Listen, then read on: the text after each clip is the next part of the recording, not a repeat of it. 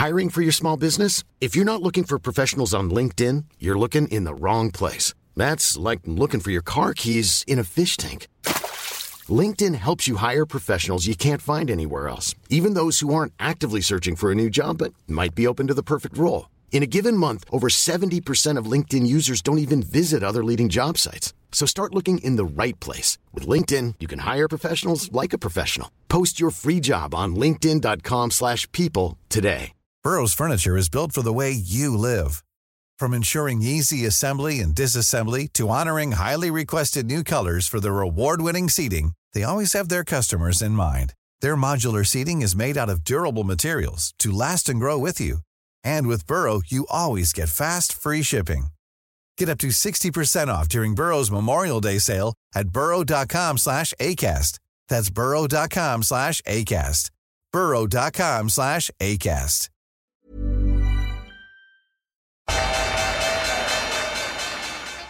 They mistook leverage for genius. Leverage for genius. I would recommend Japan. The governments don't rule the world. Goldman Sachs rules the world.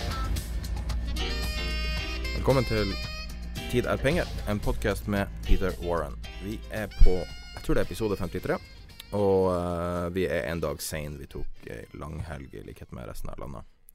I dagens tema så, nei, i dagens episode så skal vi snakke om at uh, alt er effed up i markedet.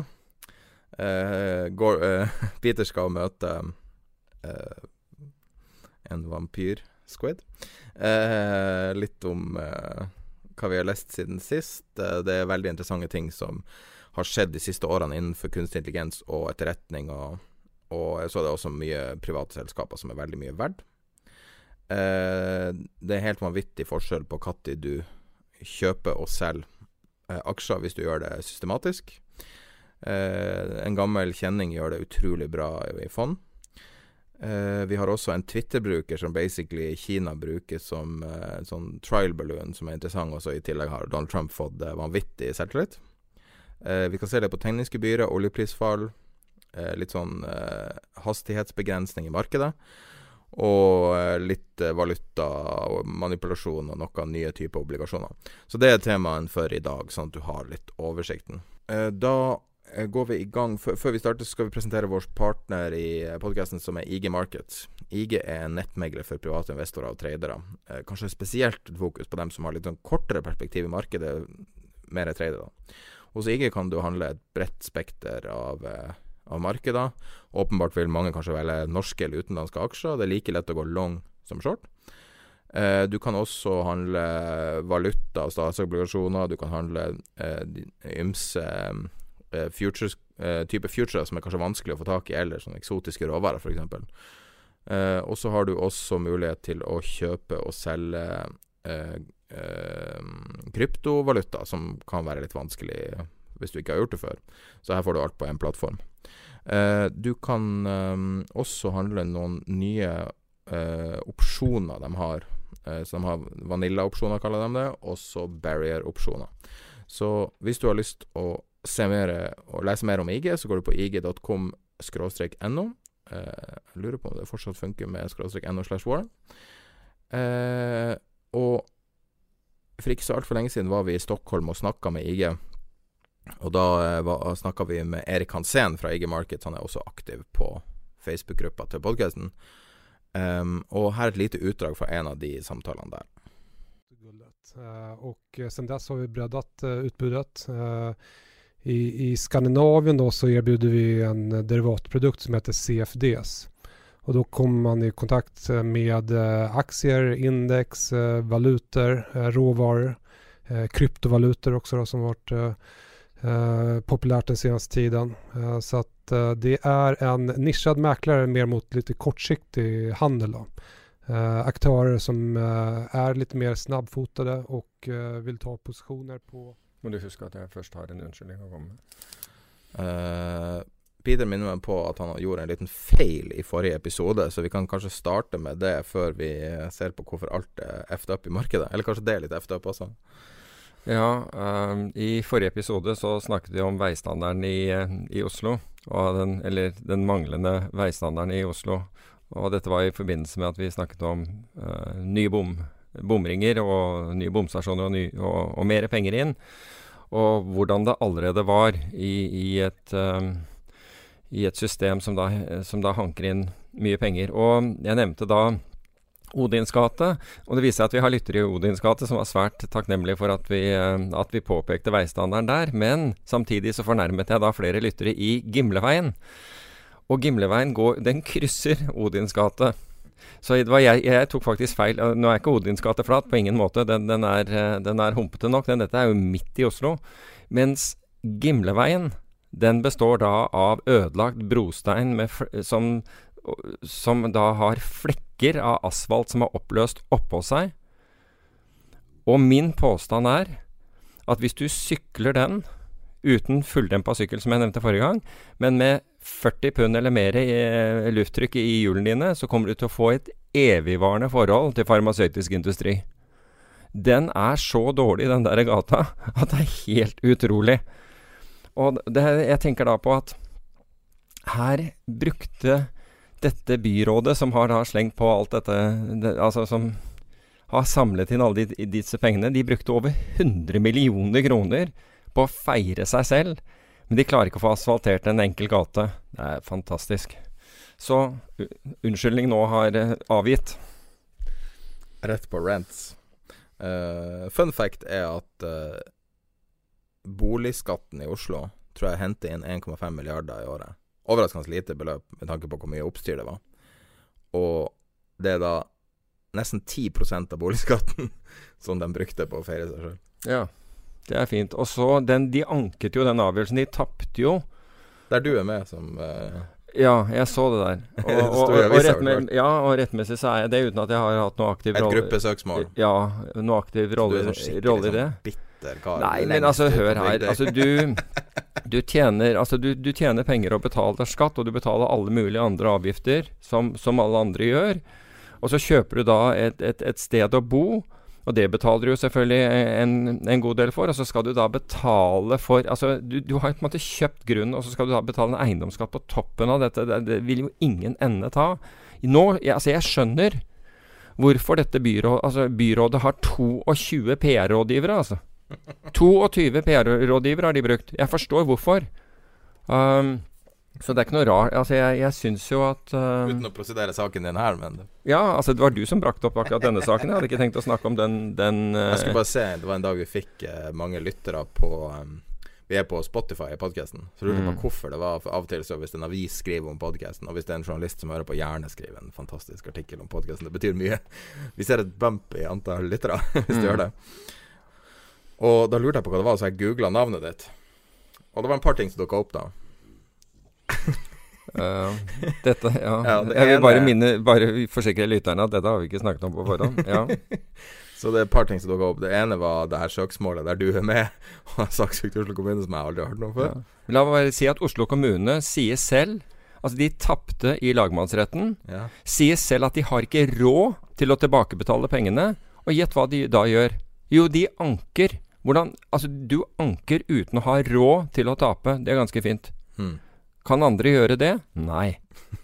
uh, men da, da, tror jeg vi kan gå uh, I dag var den dag Vi hadde, var så vanvittig strukturert før vi starta denne episoden.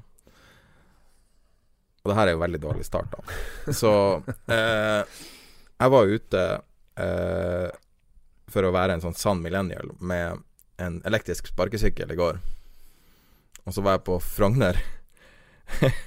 og så kommer det en sånn galning med en rusten drittsykkel nedover i hundre og helvete nedover veien. Og bygd du allé, altså? Ja. Og da er Peter skrense ned. og da står jeg der på min eh, leide sparkesykkel, og han på, på sin uh, gamle sykkel. Yes. Og vi er liksom veldig symbolske for en sånn generasjonskløft. og da begynner vi å diskutere om at alt er eh, effed up i markedet. Alt er, på, alt er opp og ned, og ting ting henger ikke helt sammen. Ja, det er vel nettopp det. Altså, ting henger ikke sammen uh, med den utviklingen vi ser. Altså, vi ble påminnet om dette senest i, i, uh, i forrige uke, når Draghi, altså sjefen for Den europeiske sentralbanken, sier at nå at man står klar til å bruke eh, til å bruke pengepolitikken, altså eventuelt senke renter, starte med kvantitative lettelser, kjøre på når aksjemarkedet er opp Altså hittil i år, eh, de europeiske aksjene er opp 12 altså, du, du skulle tro det var en total katastrofe. Når begynte man med disse tingene? Jo, det var midt i finanskrisen amerikanske aksjemarkedet er antageligvis var det ca. 2 altså hvis du fra, fra, fra ny all time high.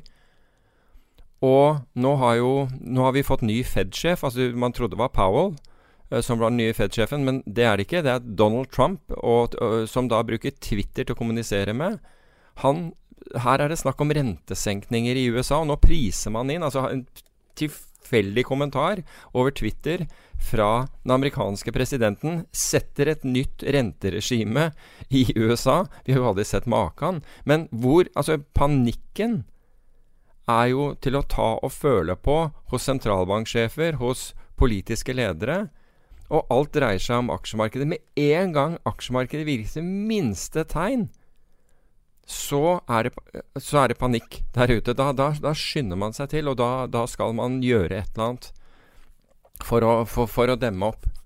Og nei, Det er jo så mange tegn. Altså Forleden Oslo Børs har en fantastisk dag. Samtidig så står det at ti selskaper på børsen ha, ha, samme dag scorer ny all time low. Altså er på det laveste det noen gang har vært.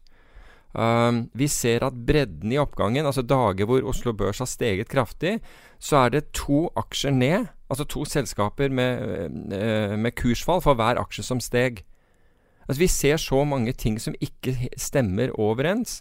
Vi har fireårs topp i kjøp av statsobligasjoner. Altså folk flykter til statsobligasjoner. Fond eh, nedallokerer aksjer, mens spekulanter kjøpe, kjøper. Men den store kjøperen av aksjer har vist seg å være bedrifter som låner penger for å kjøpe tilbake egne aksjer. Og denne her er ganske viktig. Hvorfor gjør de det?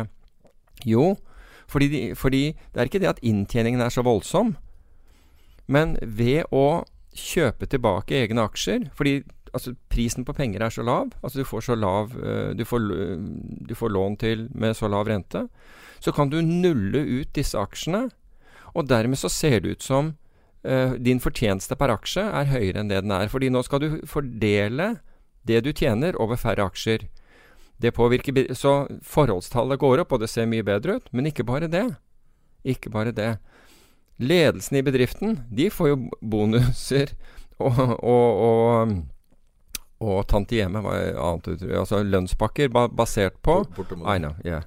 uh, basert på, på liksom resultatene. Så dette er jo en sånn derre en, en, en runddans i skrivebordsøvelse hvor det ikke skapes verdier. Det bare, det bare virker som det skapes ekstra verdier. Men i realiteten gjør det ikke det. Og så er det kanskje ikke populært å betale for store utbytter, så man gjør det på den måten i stedet. Ja, muligens. Jeg vet ikke hvorfor, men, men, eh, men, alt her på en måte henger sammen. Og det er ikke det at det dundrer og går. Nå kom det bra tall for øvrig fra Norges Bank i dag på norsk økonomi, og det skal vi være glad for. Men, eh, men de, de, tallene er jo kommet før liksom, det siste oljeprisfallet. Ja, men, eh, men. Nei, også en annen ting er jo også at som, som, altså, så, Greit nok at det kanskje er god grunn til det, men når du ser forholdet mellom amerikanske og EU-aksjer, eller europeiske aksjer, som er på 70 år high, ja. 70 year high, ja. og Altså Når du ser den grafen, så er det bare Altså Du bare skjønner at det er et misforhold der. Du tenker på uh, Husker du boligprisene i London på 80-tallet? Uh, da var det jo en av de tingene som veldig mange så på, var forholdstallet mellom Nord-England og London i uh, pris hver kvadrat. Mm. Og da var det Jeg husker jeg så en debatt fra sånn 1988. Kom over det tilfeldig. Jeg skal legge det i beskrivelsen. En veldig artig debatt eh, der de snakker om penger. Og en av de tingene de sier, er de folkene som, da, som alltid er positive og alltid skal tjene på, på den, den, pågående oppturen, sier liksom at det er et nytt regime. Så London kommer alltid til å være dyrt. Og omtrent ei uke etterpå begynte det å falle. Mm og fordi at, at en bolig er bare verdt så og så mye, liksom. Og, og, når du tenker da at amerikanske aksjer er prisa altså mange, mange dobla Altså mange multipler over um, EU-aksjer ja. Altså, det kan jo bare ikke stemme. Altså, det her er jo De er jo mer eller mindre samme marked. Ja, det er samme marked, men, men det er jo bortimot altså Det er jo ikke vekst å, å spore. Det er høy gjeld i eh, Ja, det er høy gjeld for så vidt i USA òg, men ikke så høy. Um, i, i, EU. Men det, det, er så, det, er, det, er så, mange ting i øyeblikket. Vi ser kjente aksjefond som da er i ferd med å implodere fordi de har fått innløsninger og sitter på så mye illikvid dritt at det kan ikke selges i markedet. Og ikke bare det. Så jeg traff en, en tidligere eh, bankkar som bor i nærheten av meg. Og han fort forteller da at innen noen hundre meter fra der jeg bor, så er det to stykker som nå må forlate hjemmene sine fordi pga. mislykket aksjespekulasjoner. Den ene er 77 år gammel. Jeg er sikker på at vi kan ha det med i podkasten. Ja. Ja. Um, det, er jo det, det, er så tragisk at Og vi er ja, på ja. topp. Husk, vi er på topp nå. Ja, vi, ja, nettopp. ikke sant? Alt ser ut til å være bra, og allikevel Men vi, vi, så disse tegnene i fjor. Hvis du husker i fjor sommer, så så vi tegn av, så, av folk som satt kjente. Det var megler, altså veldig kjent meglerstørrelse, altså tidligere megler, som måtte gjøre fire sale for å, for å, for å redde seg selv, fordi han satt i, i, i, i illikvide aksjer. Mm. Som da bankene Altså, disse falt, og han kom ikke ut av det. Og, og, dette skjer på en måte i tidenes bull market. Så er det et kjent altså av, Hør her. Altså Woodford Han hadde på, på, det meste Neil Woodford, ja. Ja. På det meste så hadde han Jeg vet ikke hva han har nå. Fordi nå har jo blitt innløst. Men jeg tror det er 3,5 milliard før han, når han låste opp fondet nå. Ja, men det er bare ett. Altså, i de, alle de Han har jo flere fond. Okay. 15 milliarder pund til forvaltning hadde de. Ja, men jeg tror, jeg tror ca. 10 er tatt ut. Det kan, det kan, være, det var derfor jeg sa at jeg, jeg er usikker ja. på hvor mye som er igjen nå. Men 15 milliarder pund, altså det er sånn genierklært forvalter. Men Skal vi fortelle hvem Neil Wood for det er? For han er jo egentlig ikke kjent i Norge i det hele tatt. Nei, det, det, altså det finnes sikkert noen som har investeringer i det, men du kan si at det er jo ikke så veldig mange som er kjent utover norske forvaltere for, for nordmenn. Det er jo det er litt sånn unntaksvis. Altså Hvis du snakker om annet enn Andreas Halvorsen f.eks. med, med hedgefondet Viking, så er det jo ikke ja. Men det her er altså snakk om Englands Warren Buffett, kan man si. Ja, det, det, er i hvert fall det media har valgt å kalle ham, ja. Jeg er helt enig. Og det, han, han, kommer opp fra et system som heter, eller var veldig mange år i, mener jeg, i, Invesco. Invesco. Ja, bare så jeg ikke sier noe feil. Um, før, han, før, han, liksom startet opp sitt, uh, sitt eget, og har penger fra liksom, noe av de mest solide um, britiske institusjoner, og for så vidt internasjonale institusjoner. Og så plutselig så opplever du at det går ikke an å ta penger ut av et aksjefond. Altså dette er ikke et hedgefond som har gått liksom med vanvittig belåning. Um, Vet du hva spesifikke produktene er? Aksjer. Aksjer som ja. illikvid? Ja, aksjer, ja det, kan du, det, kan du, spørre om. Aksjer som er illikvid Jeg tror kanskje at de har noen obligasjoner også, men Jeg husker Idar Vollvik forsøkte å selge Ludo-aksjer på Finn en gang i tida. Mm, er, det, er, det, på det nivået? Nei, det vet jeg ikke. du kan jo kjøpe aksjer på Finn i ymse ja, det, vis, det, visste jeg ikke. Men, eh, men, eh, men, poenget er at kart og terreng Det er så mange ting. Altså, man snakker om ingen røyk uten ild. Men her står vi jo liksom Her, her står vi jo i en røykskyen fra helvete. Um, Woodford 25-dobla pengene. Ja, altså 25x. Ja, det, er sjelden. Det, var, det, det, er ikke uten grunn at fyren var genierklært. Og nå begynner folk å si Hadde han bare flaks? ja, ikke sant. Altså, men, men og, og, og, det kan man si om mange, men dette er en fyr som har vært der så mange år at Altså, hvis, hvis du klarer å levere eh, en, en Altså høyere avkastning enn markedet, spesielt risikojustert, over mange år, det, det lengre du klarer det, det, det mer sannsynlig er at du faktisk har verdi. Så en som gjør det en, ett år, betyr veldig lite. Men har du klart å gjøre det over 10 år, eller 15 år og 20 år, så, så, så bør folk sette seg opp i stolen.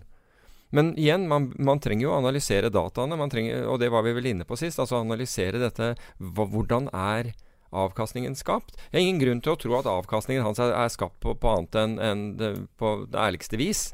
Men når vi, når vi når alt Når sola skinner og alt skal være så fantastisk, så er det så mange ting som forteller oss at Eller i hvert fall som bør vekke oss opp til å, til å i hvert fall sette oss opp i stolen og tenke Hva er det som Hva er det jeg ikke ser her? Altså med alle disse Her er det mye røyk. Her, her siver røyken ut overalt. Hydrogengass, altså. Ja, hydro, ja, hydrogen, ja, du tenker på hydro hydrogensmellen ute på Kjørbo. Jeg passerte deg to ganger i går på sykkel. Det var før jeg, før jeg traff deg. Uh, det er klart at uh, du hadde, hadde, hadde, den gått av men jeg har vært ved, ved siden av, så hadde jeg i hvert fall ikke hørt noe i dag. Det er jeg temmelig sikker på. For det utløste jo airbager over hele Bærum. Nå, nå, har vi nå, jeg, nå har vi jo Jeg har jo et skjema her for episoden her. Vi går jo ut for skjemaet. Det er jo helt forferdelig. How's that working for you? det, er, det er jeg som har ødelagt alt. Men, men det at En annen ting som er effed up, er det, det rentekuttet som nå kommer. Du hadde eh, for tre uker siden der alle sa Alle altså Fed-folk sa at det her er Vi kommer ikke til å påvirke. Altså Det politiske mandatet vårt er uavhengig. Alt mulig. Og så kom Jerome Powell inn Nei, um, hva heter han? Uh, han som gikk ut på Wiren og snakka. Eh, så kommer det i hvert fall meldinger om Jeg husker ikke hva han heter. En av de her i Fed. Mm. Går ut på, på Bloomberg-wiren og sier at uh, mykne opp eller et eller annet. Og markedene går jo amok, selvfølgelig. Ja, ja. Gratis penger. Men det som er mitt store spørsmål, er hva skjer når halveringstida på den her blir en dag eller to eller tre? Hva skjer, men hva skjer ja. da? Altså, da har de Hvem skal baile oss ut? Helt seriøst. Er det Mars, liksom? Ja, og, men, men, du ser Altså, heldigvis så ser du reallokering. Altså, sånn som jeg nevnte, at uh, etterspørselen etter uh, statsobligasjoner er den, den, høyeste på fire år.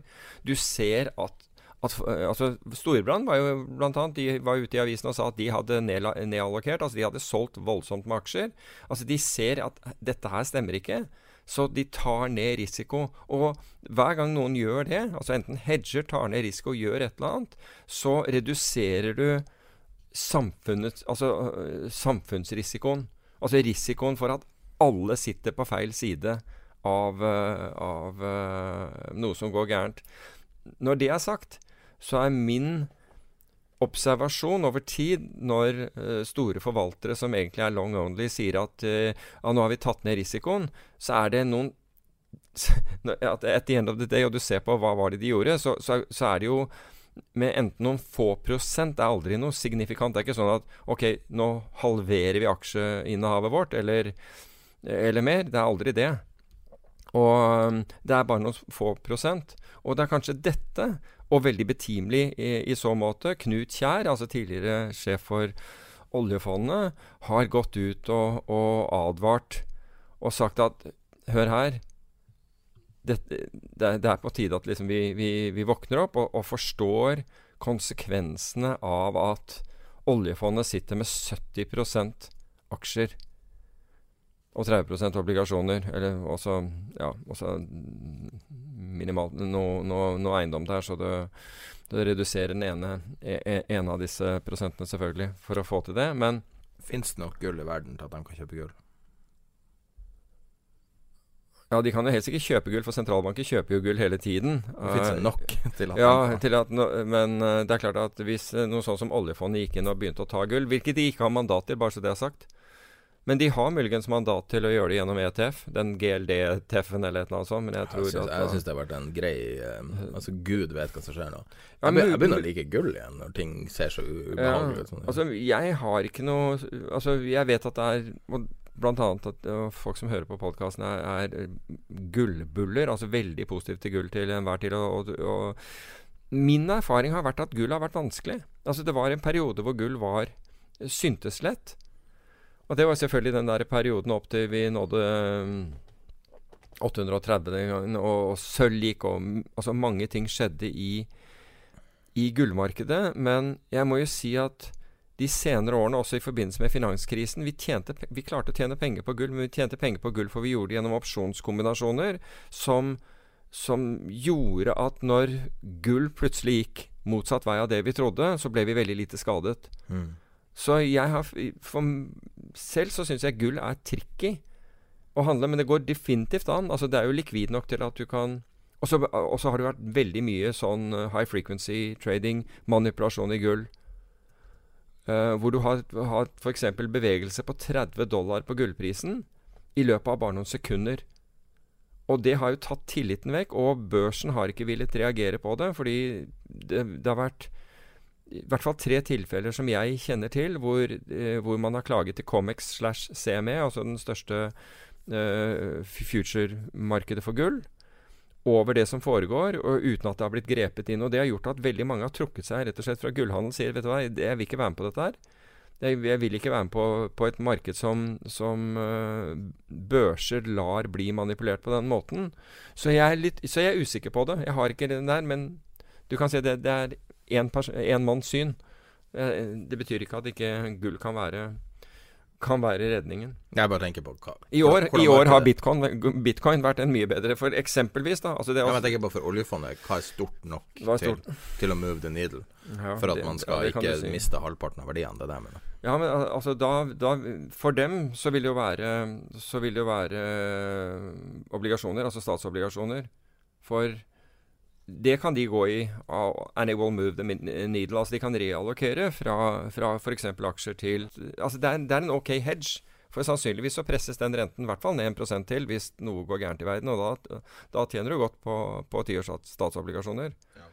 De, de, kjøper jo i dag fordi de kjøper i forhold til indeks, så kjøper de jo en haug altså Er det 18 land som har negative toårs yields?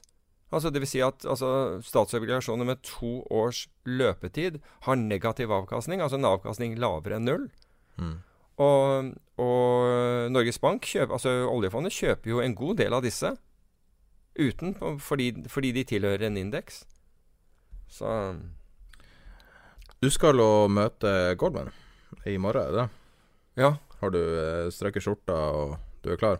Ja, jeg er ganske klar, selv om jeg ikke har pakket ennå. Men, uh, men, det er en årlig konferanse som uh, Eller et symposium, hedgefondssymposium, som uh, Goldman har i Roma, og som jeg har vel deltatt i ja, i hvert fall, i hvert fall ti år. Sikkert mer. For dem som er konspirasjonsteoretikere, er det her sånn, sånn Bilderberg-konferanse?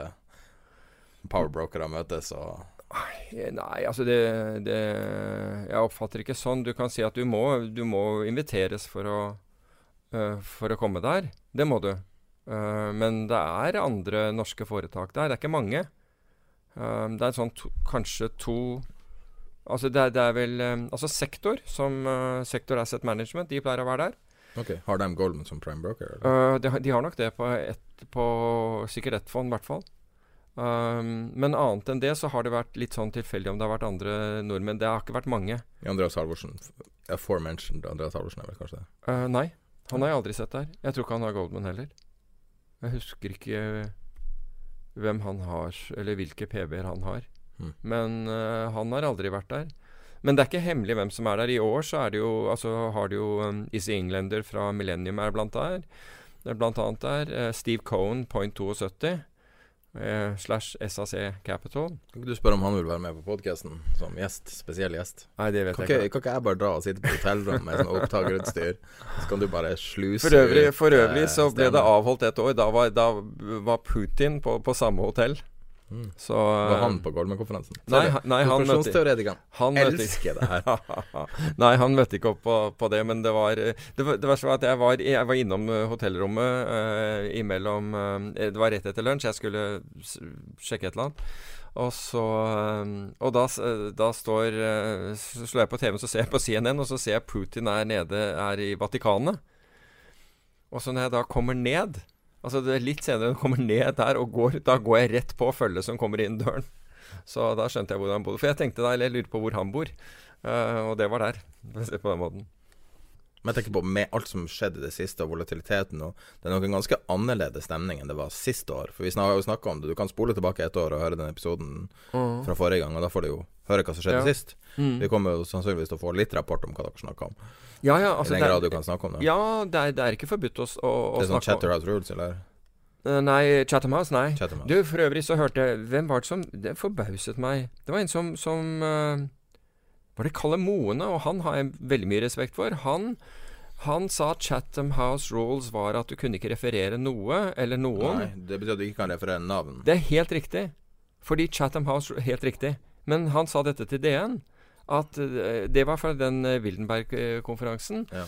Uh, men hvis det er Chatham House Rules, så kan du ikke Um, Du kan ikke si hvem det var som sa et eller annet. Altså, et, Altså ikke spesifikk eh, informasjon. Hvis det kom f.eks. en case study ut, så kan du ikke dele Nei, det. det, det er Jeg litt usikker på, men i Chatham House Rules, for det, dette er borte i, i andre sammenheng.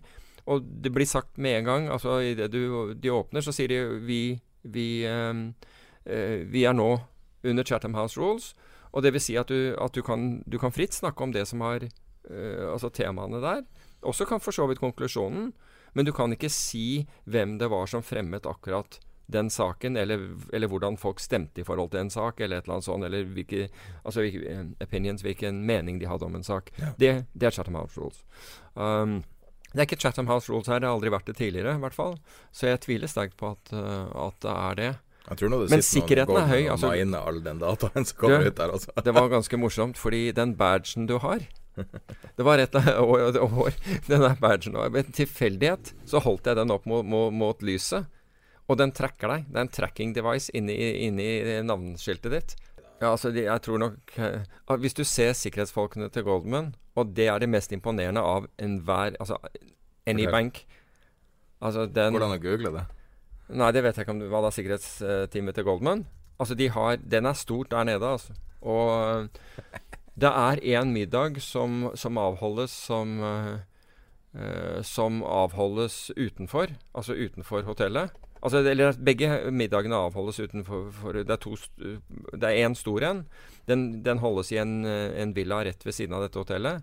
Vi skal la være å snakke om, om, om akkurat Vi kan heller si hvilket hotell er senere. Men øh, ved en villa rett ved siden av hotellet, og der har Altså, der ser du Altså, det står ikke tilbake for, eh, for Secret Service, de gutta her, altså. Ikke i det hele tatt. Og den, og den andre middagen Men du som har militær bakgrunn, du Ja. Står du og henger med dem, liksom? Nei, jeg står ikke og henger ikke og Det er sånn som jeg når jeg møter Nei, en Jeg bedrift, så graviterer jeg mot IT-folkene. Alltid. Nei, men jeg, jeg, har, jeg har eh, Nei, men jeg, eh, jeg, jeg kjente igjen en, en av dem. Uh, så, så ved, ved en anledning. Og, og, han og han snakket jeg med. Men, men utover det så gjør jeg ikke det. Men, men du kan si at de er helt, helt profesjonelle. De er helt profesjonelle. Og den andre, som sagt, den holdes et sted i Roma. Og det, du vet ikke på forhånd hvilket det er, men på en annen restaurant.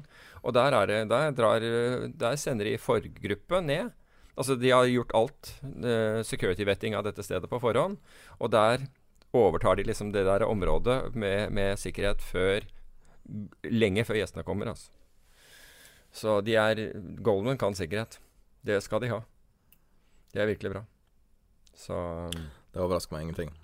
Nei. Men det, altså, de er flinke. De er kjempeflinke. De er, altså, det, det, it runs like clockwork.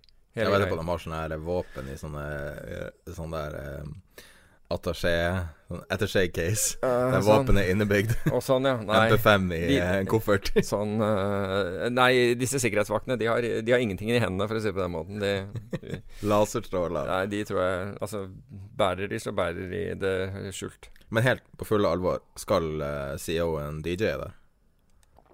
Det har aldri skjedd før. Det har aldri skjedd før. Han begynner å bli varm i trøya, da. Han har jo gjort det på en Ja, altså, det er vel Altså, i den, den ene middagen som er i en villa, der, der kan det gå Der er det vel eh, Senere på kvelden så er det vel noe sånt noe ja, der, men Nesten garantert han kommer til å gjøre det. Nei, det tviler jeg på. Det tviler jeg på. Jeg har aldri, aldri sett Blankfine der, for å si det på den måten. Ja. Så, så dette, dette er jo Blankfine er artig på Twitter. Har du sett ham på Twitter? Nei, jeg har Han bare er sett- ganske løs i snippet. Og er han det? Nei, jeg har bare sett at han er på, på Twitter. Men Peter fortalte meg før vi starta at uh, At du har unfollowa en hedgefondforvalter. Ja, ja Jeg anfollowa uh, Kyle Bass, men, men ikke fordi jeg ikke er imponert over Kyle Bass. Jeg er veldig imponert av han, og han er en really nice guy når du snakker med han. Men jeg, jeg syns bare at liksom, det som spruta ut der, var liksom hele tiden politisk. Ja. Uh, og, og det var derfor jeg anfollowa. Ikke sant? Fordi det er, det er ikke det han, He's a brilliant guy, syns jeg. Uten tvil. Virkelig brilliant guy. Og, um, men, men jeg er ikke så tent på liksom hans Altså Han, han er veldig interessert i Kina og, rett, og civil Altså Ja, og, og, eh, har- og hatt mye bra der, men jeg syns at det har liksom kokt over fra, fra finansielle temaer til politiske temaer. Han er veldig opptatt av folk som blir uh, banna på Twitter. Altså, jeg følger bare, bare så det? Jeg følger ni, bare altså 59 stykker, Ja. og holder det på det. Så, og det er bare fordi jeg Hvor mange av dem er sånne rumpemodeller på Instagram? Ingen. Ingen. Men jeg, altså jeg klarer ikke å ta inn mer enn det. Det er derfor, det er derfor jeg, jeg har det til, til, et så lite antall. Jeg klarer ikke å ta inn det. Og, og slik at jeg relativt regelmessig unfollower Altså hvis noen altså, slutter Og det ser du jo også, at det har ikke vært på en stund, eller et eller annet sånt. Eller jeg ser noe som er bedre. Eller ved, ved en tilfeldighet så er det noen som påpeker at du har jo sett denne personen kjempemye bra, og da kan det hende at jeg bytter ut. Men Cliff Esnes er bra. Cliff Esnes er bra. Det er jeg helt enig. Han er rik nok til å være totalt outspoken og gjøre helvete i Men han er også en interessant person å høre på når han snakker. Ja. Så En ting som AQR. Jeg syns kanskje han jeg, jeg hørte en del intervjuer med Vreven. Uh, Hva heter han i- Han der uh, som er short alt mulig? Jeg glemte hva han heter. Trainhouse? Ja. Mm. Jeg hørte intervjuet med han, og jeg tenkte at kanskje, jeg ikke hadde hørt han snakke før. Jeg syns egentlig han ikke var så imponerende, og det overraska meg litt. Jeg har hørt han jeg, jeg, Jim Jane også, altså. Ja, jeg har ikke hørt ham uh, holde foredrag, men jeg har hørt han i paneldebatter. Og der er han interessant. Jeg syns bare han hadde kanskje ikke den For jeg, Chanos har vært uh, ved Goldman. Han har vært der uh, flere ganger Ok. for øvrig. Nei, for jeg har fulgt han i mange, mange år, men jeg har aldri hørt han snakke. Jeff Winnick er der altså, så det, denne gangen. Ja. Men det, nei, altså jeg, jeg syns at Chanos er Jeg, jeg syns han er interessant. Jeg, jeg, jeg, visste ikke altså, Hadde ikke noen sagt hvem det var, så hadde jeg aldri gjetta. Hvis du han hører han, han i liksom. forbindelse med Enron Altså han, den, den filmen om Enron siden. Ja, jeg vet det, men, men jo Men hvis du skal få et inntrykk av Jim Chanos, så, så Jeg mener at det er laget en film om Enron. Jeg husker ikke hva den heter. Smartest guys in the room. Det er det. Den Beste er det. dokumentaren som noensinne er laga. Helt enig. Hvis du sitter og hører på nå, trykk på pause, og så går du og På YouTube tror jeg det fins piratkopier av det. Ja. Og så går du og ser Smartest guys in the room. Ja, og den bør du se. Den Helt bør du absolutt se, men i hvert fall Jim Chanos er jo en av de som blir intervjuet der. Og der hører du resonnementene og hele greia. Jeg syns Jim Chanos er en interessant person. Han var jo short og hjalp på eh, Bill, A Bill Ackman har, eh, har, jo, har jo vært der på denne Goldman-konferansen. Også en interessant uh, person, selv om han er liksom voldsomt fokusert. Gjør det bra i år, da. Ja. Så um, Hva med eh, Paulsen? Er han helt game over? Ja, det virker som en Da må du spole tilbake igjen og, til liksom 2008 og se når Paulsen Altså, Paulsen var jo en for, forvalter som gjorde det bra over lang tid før det. Altså, han, han slo ikke ballen ut av parken, men han gjorde det jevnt veldig bra. Men det var først i finanskrisen han gjorde det kjempebra. Og, og hvis du da dissekerer det som gikk bra i finanskrisen, så var jo ikke det Paulsen selv som hadde satt opp de eh, de strategiene, men en som jobbet der, som het Paolo Pellegrini. Og det var han som sto for den, den, den monsterinntekten som ble skapt der. Hannes Trade spesifikt kjent som The Big Short. Ja. Det var Paolo Pellegrini som hadde gjort. Og han ble da Han følte at han fikk Han ble avskåret fra den liksom bonusen han burde ha, eh, basert på resultatet som han hadde gitt. Og ikke minst det derre det, var- det var jo sikkert litt sårt at, uh, at Paulsen tok æren. Og Så han sluttet, og så startet han sitt eget makrofond med, nøy, med å gjøre nøyaktig det samme etter finanskrisen. Og det er der Darwin kommer inn. ikke sant? Altså Det at vi har klart å, å, å overleve som mennesker og utvikle oss, det er at vi har evnen til å tilpasse oss. Og det gjorde jo ikke han, fordi han gjentok den samme handelen. Og han fikk inn for øvrig utrolig Han fikk inn mange milliarder dollar til, til forvaltning, og plutselig så Altså, når han ikke klarte å Altså, når han tapte penger hver måned, så, så forlot investoren han. Så hva han gjør nå, det vet jeg ikke. Men det, han var egentlig the brilliant mind behind The Big Short. En annen som gjør det bra, en gammel kjenning som jeg egentlig ikke har hørt så mye fra, liksom, som har vært ganske stille, Ken Griffin Ja. i Citadel. Men han, han gjør det egentlig alltid bra på et eller annet. 12 i år. Ja. Det, men er han fortsatt Er det fortsatt Statarb, eller er han way beyond Nei, han gjør alt. Han gjør jo alt, ikke sant. Men, men altså felles for de som gjør det bra i år, er, er jo at de er datadrevet. Um, og, og det samme gjelder jo uh, Det samme gjelder jo Stevie Cohn. Ikke sant? Det er datadrevne ting som, som, uh, som foregår, og, og Ken Griffin er jo helt datadrevet. Så um, Og det, jo, det står jo i grov kontrast til liksom hva, hva man har tro på i Norge. For der, der har man mye mer tro på gammel type analyse. Eller jeg kan ikke si gammel, men mer sånn ren fundamental. Men disse, disse bruker jo fundamental analyse. Det er bare at de gjør det gjennom datakraft. Mm. Um, og Men han drømmer kanskje ikke om å bli Goldman igjen, som han gjorde i 2006-2007, der han trodde han kom til å bli den neste Goldman, altså Citadel. Nei, det Og så kom krasjet, da. Før finanskrisa. Nei, jeg vet ikke, fordi han har jo blitt litt Altså, han, han har jo blitt litt mindre offentlig ver verbal, da, for å si det på den måten. Men han, han trekker jo i tråder. Og det at Sånn som en, en ting som vi, kanskje kan påvirke han nå, altså negativt, det er jo at flere børser nå uh, putter inn sånne speedbumps. De kalles nå Flashboy speedbumps. Altså sånn De, de sakker ned eh, signalene Altså Hvis du skal handle på børs, så har, har det vært snakk om jo raskere du er, det, det, det mer tjente du. Men nå begynner børsene å, å um, følge dette uh, Hva det heter AIX. Det, denne børsen som ble kjent gjennom uh, Gjennom boken Flashboys. Eh, som da skulle gjø gjøre at, at alle stilte likt. På, altså alle kom likt til markedsplassen. Det, det, de, du kunne ikke bruke hundrevis av millioner dollar på å bore et hull gjennom et fjell eller mikrobølgetårn, som er nå veldig pop populære. Altså bruke vanvittige summer, og så stjele, stjele penger foran andre. Så flere av børser, til og med New York Stock Exchange, på en av markedsplassene som de, de kontrollerer, uh, har de nå satt inn såkalte farts, uh, fartshumper, for å si det på den måten. Slik at den derre ultrahurtige gamet synes nå å være over. Eh, Deutsche Børs uh, Eurex, Ja. som er basically vel hele opsjonsmarkedet i Europa, ikke det? Nesten. Jo, temmelig. Jo, Sånn, uh, jo. jeg tror de har eh, 60-70 noe sånt. Mm. Um, de innfører nå um, en sånn test. Og så skal vel London Metal Exchange, som også er veldig stor i, i sitt marked, Mm. det er vel Futures, uh, skal også innføre lignende ting nå. Um, og uh, Intercontinental Exchange, hva er det for noe? Ice. Ja. Der, Ice, ja, ja. Ice, ja. Blant annet. Har aldri sett det altså, skrevet. Ja, nei, Ice har jo veldig mye ting, men alle oljeproduktene er jo, eh, er jo på Ice. Ja. Ja, da har du dekka hele markedet, da. ja. Så Så, um, så det blir kommer ikke over når han er forfatter. Altså, snakk om å ha mye impact på verden. Michael Lewis? Ja. Ja, virkelig. Vir- Han har bare en nese for, Ja, ja. for viktige ting. Ja. Han helt Jeg syns Flashboys er så interessant. Jeg Nei, men- men alt- det er mye gærninger i den. Nei, og så er det én ting med Flashboys, er at han har tatt store deler av innholdet der fra en annen uh, Nå prøver jeg å huske hva den er. Ja, altså, jeg, jeg fra en kjenner- annen bok. Nei, han har tatt, nei, han har tatt Jo, han eh, det. Jeg kjenner de kildene Jo, men i du, boka. du, du, jeg snakker med nesten alle i. Jeg har, jeg har lest den andre boken, ja. så jeg vet det. Altså, når, du leser den, så, så vi, Altså, når jeg Jo, leser men det er ikke Jeg tror det er fordi at jeg vet hans primære kilder. Har jeg jeg snakka med alle. Jeg snakka med Lewis også en gang i tida. Mhm.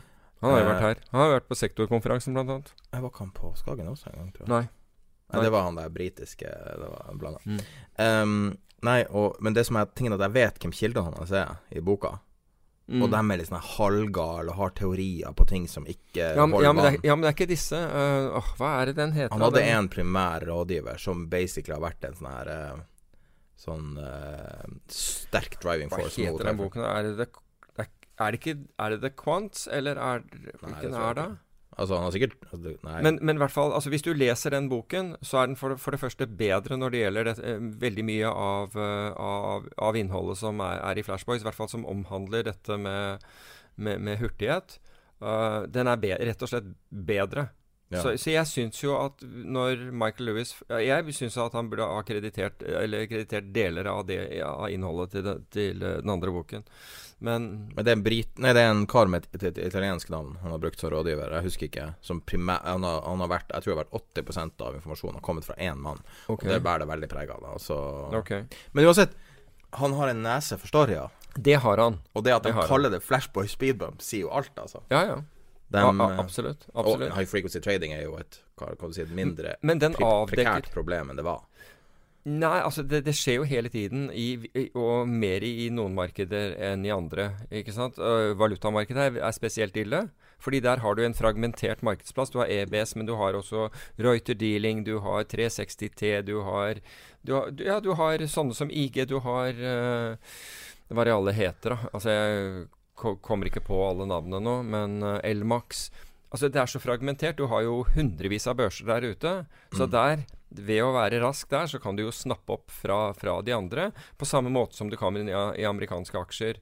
Men poenget er at hvis du at Det der at du går og stjeler foran andre ikke sant? Altså Du ser at det er etterspørsel etter en viss antall aksjer på én børs, og så skynder du deg og kommer deg til eh, liksom, en, en, annen markedsplass og rapper de aksjene fordi, du, fordi du, du, du, ser på en måte tegnen til at dette er en stor ordre.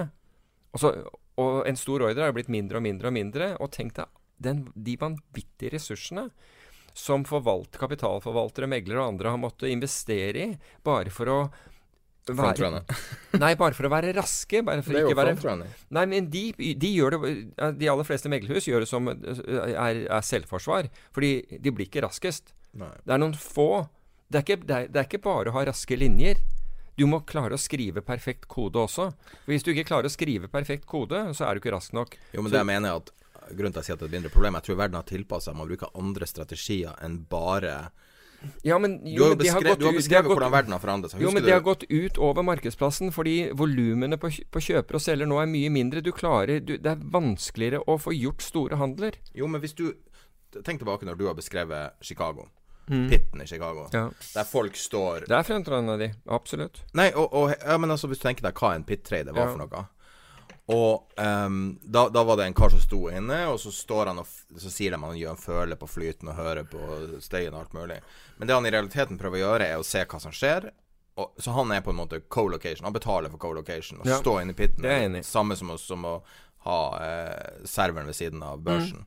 Mm. Godt, god analogi. Ja, men det, men det er jo Jeg vet ikke Uansett. Og så um, Og så står han ved siden av, og så, så, har du beskrevet tidligere Han ser det kommer en ordre inn i telefonen, plukker opp telefonen, bang, ansiktsuttrykket, og han er i ferd med å snu seg.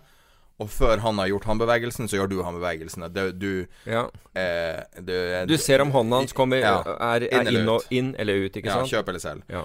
Og så, så, er du i en pit med et instrument, så er det jo veldig enkelt. Ja. Og du er en eller annen random tulling i Chicago som er alkoholiker, sånn som mm. veldig mange av de er. Ja, du ser, nå, ja. ja. Nå er de blitt det, men den gangen Hvis du ser de her dokumentarene om de er pit-traderne Ja, men altså, de var ikke Altså, at, at, folk brukte narkotiske midler der, men, det, men var folk drev ikke og drakk Altså, da var det, ville du bli for sein. Jo, men, men, poenget her er Altså, poenget med er at ting forandrer seg ikke. Mm. Det bare forandra navn. Så de her karene som sto inne i pitten og trada mm ble til en datamaskin som sto ved siden av en datamaskin. Mm. Og så nådde man ja. Altså, meg som observatør mener at man nådde et punkt der man begynte å endre strategier. Eh, der du kan, du kan jobbe på andre måter. Du kan bruke andre typer data, ting som er mm. mye tregere enn at og så, så, står liksom kjente norske investorer og sier det går ikke an å handle på Oslo Børs pga. robotene. Nei, det går ikke an å handle på den måten du gjorde, som Nei. var en avansert form for frontrunning. Ja, det var det. Og det er liksom Ja, grunnen til at du lykkes hvert år, er fordi du frontrunner alle ordrene. Ja. Og lykke til. Du ja. kjenner alle meglere som bare lar deg springe foran ordrer. Kriminelt å ha sittet i fengsel hvis noen hadde fulgt med. Men da hadde halvparten av forsidefolkene sittet i fengsel. Men det er ingen som har brydd seg om det. Mm. Og så sier man nå kan man ikke det. Men folk tjener jo penger fortsatt. Men du du trenger litt andre strategier. Du trenger andre Ja, men du kan si at hvis, dersom du ikke hadde Altså, folk eh, tjener penger. De tjener penger fordi det, er, det har vært kvantitative lettelser som har kjørt markeder opp og, og lagt trender bare fortsette og fortsette å gå, og, og verdsettelse bare øke. Mm. Det er jo en del av det som er, er ja, bak det. Men ta det bort. Og, og, og, markedene begynner å oppføre seg mer som de gjorde før i tiden, med, hvor markedet straffet dumhet. Straffet hvis du var uforsiktig straffet hvis du hadde for mye risiko osv. Vi ser jo et, tegn på at du gjør det i dag, men ikke generelt. Men, men, gå tilbake til den tiden der, så skal jeg love deg at du skal få avskalling altså, av, av, folk som tjener penger. Og det ser du jo også. Altså, se, bare se på norske fond. Du har fond liksom, som, som har, har, høy avkastning. Altså, til, altså det, det er norske aksjefond som det er fra himmel til helvete i, liksom, i, i ranking på, på, på, norske aksjefond, til tross for at uh, markedet stort sett har pekt én vei. Og det er fordi noen har tatt fryktelig mye mer risiko enn andre. Mm. Og så går det veldig bra når det går bra, og så går det ordentlig til helvete. Vi har hatt noen minimale Vi har hatt minimale nedganger. Vi hadde en nedgang i, i, i, i fjor høst, altså mot, mot, slutten av året. Og så har vi hatt en liten sånn shake i, i markedet for ikke uh, nylig. Men det er ingenting. Det er bare noen få prosenter. Og det er nok til liksom å slå folk Altså slå, ta fullstendig og dra teppet under noen forvaltere. Altså, der kommer det til syne. Og mens vi, altså, Hvis vi bare kan spole tilbake Vi snakket om Neil Woodford i, i sted og hans fond. Der går britiske finanstilsynet, FCA, inn nå og sier kanskje vi skal, eh, vi skal verdsette eh, på basis av, av, likviditet. For alle er short volatilitet, og de er short likviditet. Så hvis, liksom, hvis dette går gærent hvis, hvis, hvis? Ja, du, ja, så er det riktig med å verdsette. Og det som har skjedd med Neil, Neil uh, Woodford, det har skjedd i Norge også. Det er i hvert fall tre anledninger. Et, et, uh, et, forvaltningsforetak eiet av en av de mest kjente meglerhusene ble fratatt konsesjon fordi det viste seg at man hadde manipulert Eller forvalteren hadde manipulert uh, verdiene på illikvide aksjer. Eller hadde, hadde verdsatt de altfor høyt. Og så og så har du en, et, et, annet kjent hvor der, tror jeg det, der gikk jo faktisk forvalteren i fengsel, så vidt jeg husker, i en periode. Så det har i hvert fall vært tre tilfeller i Norge hvor Ja, Så har du alle de eiendomsfondene som var helt klin umulig å likvidere. Ja, ja. ja, fullstendig. Men her, det, her snakker vi om, om, om vanlig altså type aksjefond, altså. Ja. Så, så, vi har hatt sånne ting her i landet også. Så, så du kan si at det er eh, Men jeg vet ikke. Jeg tror jo det, jeg tror det har vært utrolig kostbart, den, den, den, den, hastighetsfremmende delen av teknologien. Det er imponerende hva folk har fått til. Men hvis du kan få Men det har gjort også at du har tillatt at noen kunne, kunne altså fremtredende å stjele. Eh, altså ta rett og slett aksjene eh, foran foran eh, godtroende kjøpere som ikke skulle gjøre annet enn å kjøpe aksjer, men som, som da blir avlest eh, datamessig, og så er noen raskere til å, til å, slik at det har blitt dyrere for dem. Mm. Og det er, altså I fair and orderly market så hører vel ikke helt det, det, det der hjemme. Og de, i hvert fall jeg tror aldri markedsøkonomien, sann markedsøkonomi, har eksistert. Og jeg tror aldri at fair and orderly market har eksistert heller. Det er nei, illusjon, nei, nei. Ja, det, det, det er jeg vel ikke helt uenig i, men du kan si at Ta f.eks. New York Stock Exchange, som tillot at de som betalte dem best, fikk se ordrene før andre. Ordre som, som, kom inn i markedet, altså kjøpsordre som ble sendt inn i markedet, det fikk et, et, et antall aktører som betalte ekstra godt, uh, godt. De fikk se dem før andre. Det er helt Men det har liksom ufattig. eksistert alltid. Tenker på, Var ikke det Rothschild-familien som tjente en formue på de her brevduene de sendte ut? Gammeldags high frequency trading. Det var skipene som gikk fra London, og skulle, mm. var det napoleonskrigen, tror jeg. Der de eh, gikk over, og så da sendte de brevduer fra skipene inn. Og da fikk de informasjon via brevdue mm. kanskje en halv dag før. Mm. Og visste at napoleonskrigen var over før alle andre en halv dag. Uh, det er kreativt, da. Det skal de ha. Men det har dette også vært. Eller i mange tilfeller. Men i mange tilfeller så er det ikke, det er ikke kreativt, det er, det er, kriminelt, etter min oppfatning. Det grenser til det kriminelle. Men det er utrolig mye kriminalitet i finans. Ja, det, ja, det vet jeg ikke om det er utrolig mye, eller Ja, det er det for så vidt. Du vet jo at det er.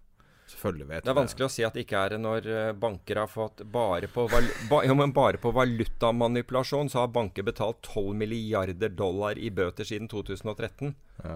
12 milliarder siden 2013, og, den siste, og det siste var vel 91. i Sveits nå på 91 millioner dollar. Det er liksom Er det mulig? Men da Da, da kan vi name and shame. Barclay, City Group, JP Morgan, Mitsubishi, uh, U, um, MUFG og RBS. Men basically, altså det er alle sammen. Alle, ja, alle sammen. Men det, det vi, må, den, vi har jo én trøst, da. Og det at når noen Jeg, jeg lurer på om det var en politiker jeg, som, som, stilte spørsmål om, om dette her også skjedde i Norge. Da brukte myndighetene nesten en time, tror jeg, før de kom tilbake igjen og sa at nei, det fantes ikke i Norge. Så det var jo den mest imponerende saksbehandlingen ever.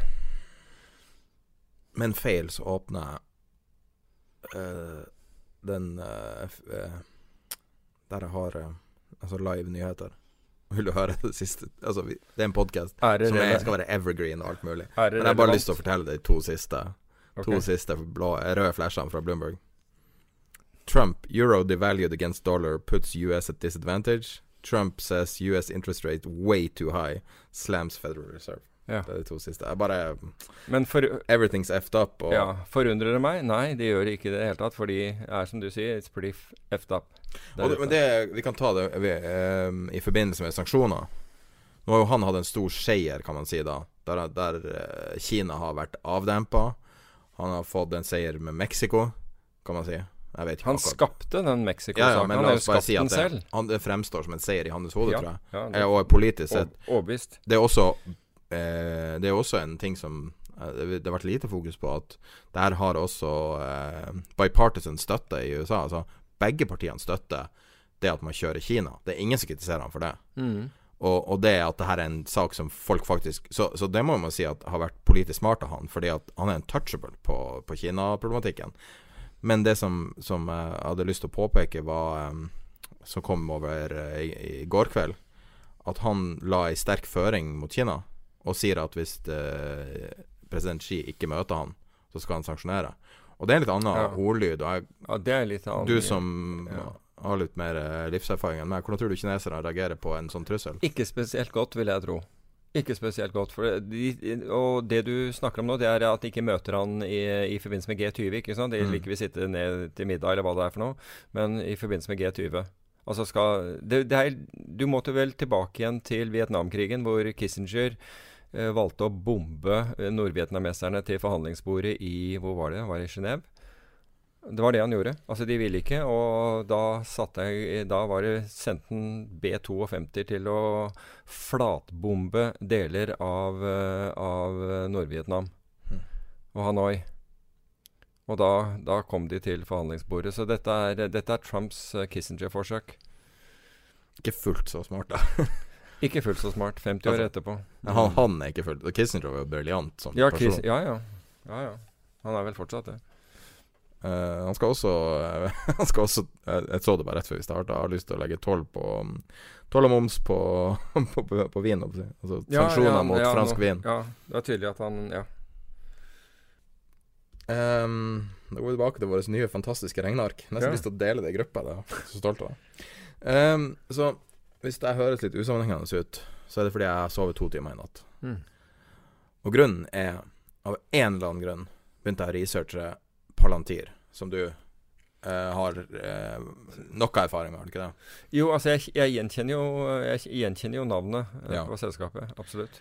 Eh, og det Jeg kan bare gi et sånn kjapp kjapp bakgrunn. Det er et, en av de selskapene som muligens skal børsnoteres i løpet av neste år, sier de nå. For det skulle være i år, da, egentlig. Okay.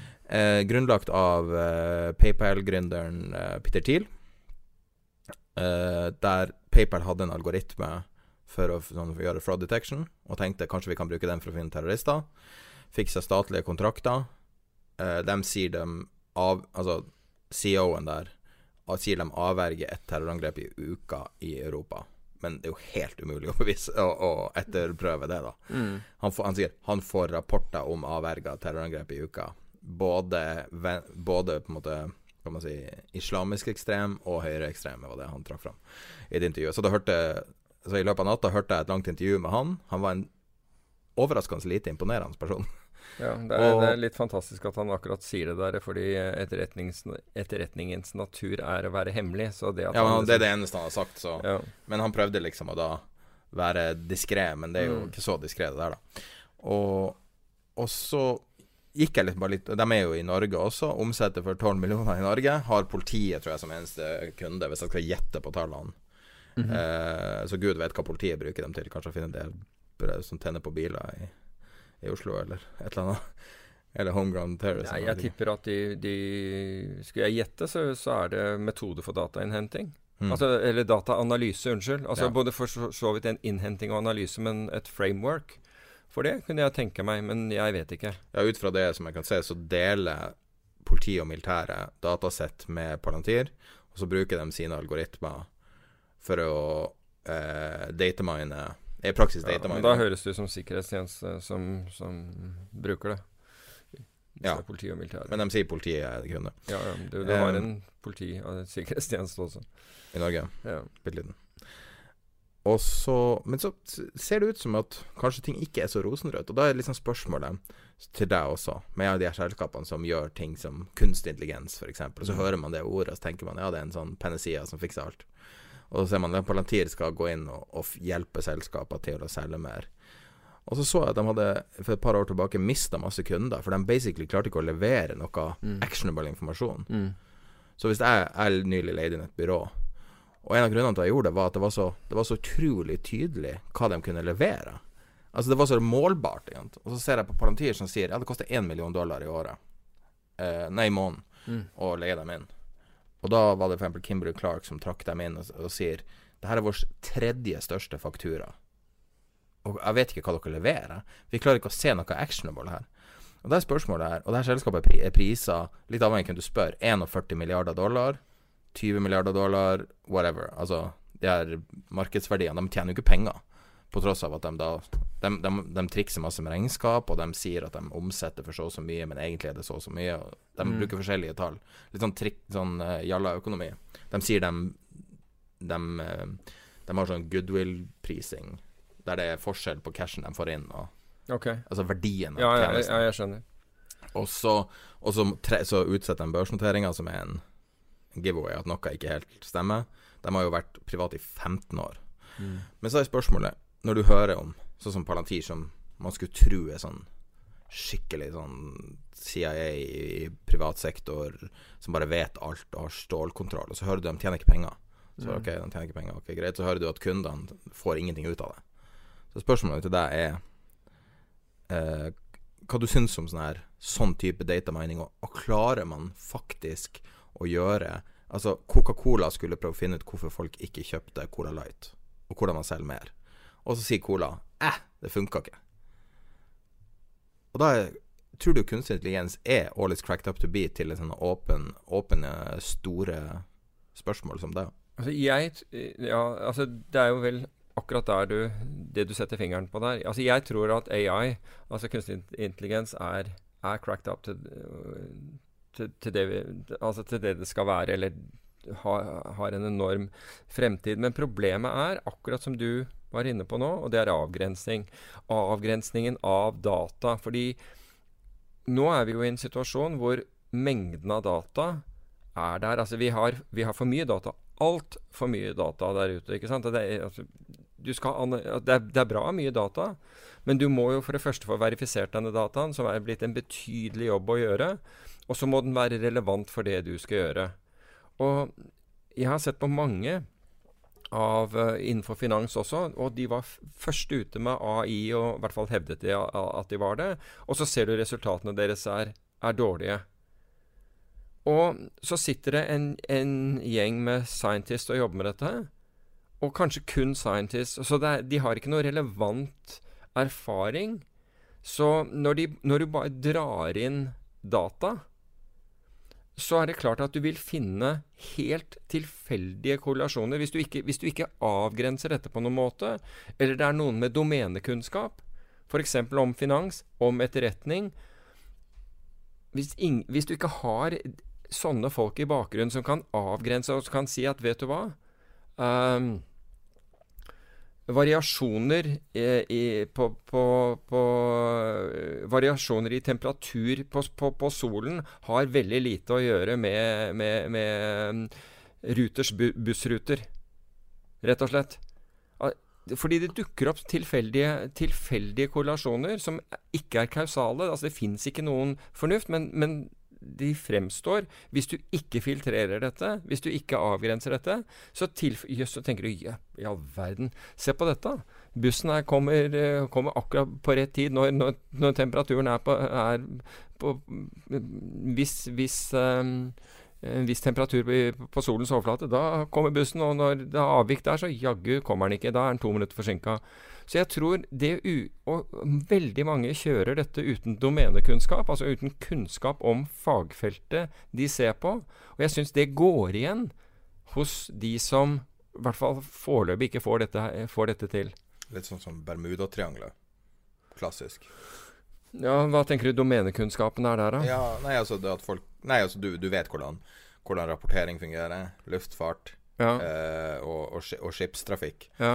Og så ser du bare Hvis du bare gjør noen små justeringer, noen litt sånn feilrapportering hist og pist, så plutselig ser det ut som et mønster, og så bare Nei, det er akkurat like mye ulykker der som alle andre plasser. Det er bare en eller annen galning som har sittet og tenkt det opp. Ja, og så dro de også i forbindelse med triangel, så dro de altså til å begynne med, hvis du ser på, på antall hendelser der, da, så, så tok man jo hendelser som egentlig var utenfor triangelet, men Det det, var det ganske det nære triangelet, ikke Ja, kan du runde litt? Nettopp, riktig. ikke sant? Og, og det er akkurat det der at du må avgrense dette. Jeg tror det er absolutt fremtiden, men å tro at, at den fremtiden er bare å slå på en bryter Nå har jeg en Det, det tror jeg overhodet ikke det er.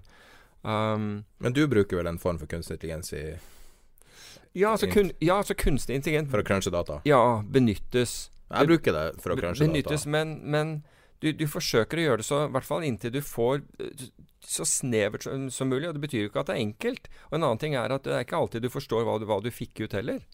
Ja, altså Du forstår det jo hvis det øker salget ditt. Ja, ja, altså ja, Så du andre trenger ikke å forstå en kunstig ja, intelligens. men, men, men av og til så, så, ser jeg jo på, på resultatet her, og jeg forstår ikke at det blir til det. Altså, kunstig intelligens er bra til reklame, men det er kanskje ikke bra til product development. Det er vel det jeg prøver jo, å altså, komme fram til. jo, jeg tror at det er det hvis du bare har folk Hvis du har nok folk med domenekunnskap. Og jeg tror faktisk DNB var ikke de inne på nettopp dette. Altså Rune Bjerke i en eller annen sammenheng snakket om viktigheten med, med uh, diversifit, eh, diversitet diversifis, Hva heter det? Diversity. Uh, i, i, I de ansatte, altså slik at du ikke bare hadde det ene eller det andre. Um, altså F.eks. kun teknologer uh, ansatt, som er utmerket som teknologer, men du måtte ha noen som hadde domenekunnskapen, altså som forsto det, dette i sammenheng. Og jeg tror det er, at det er nøkkelen. Apropos Palantir, da. Jeg tror de har for mange hipstere.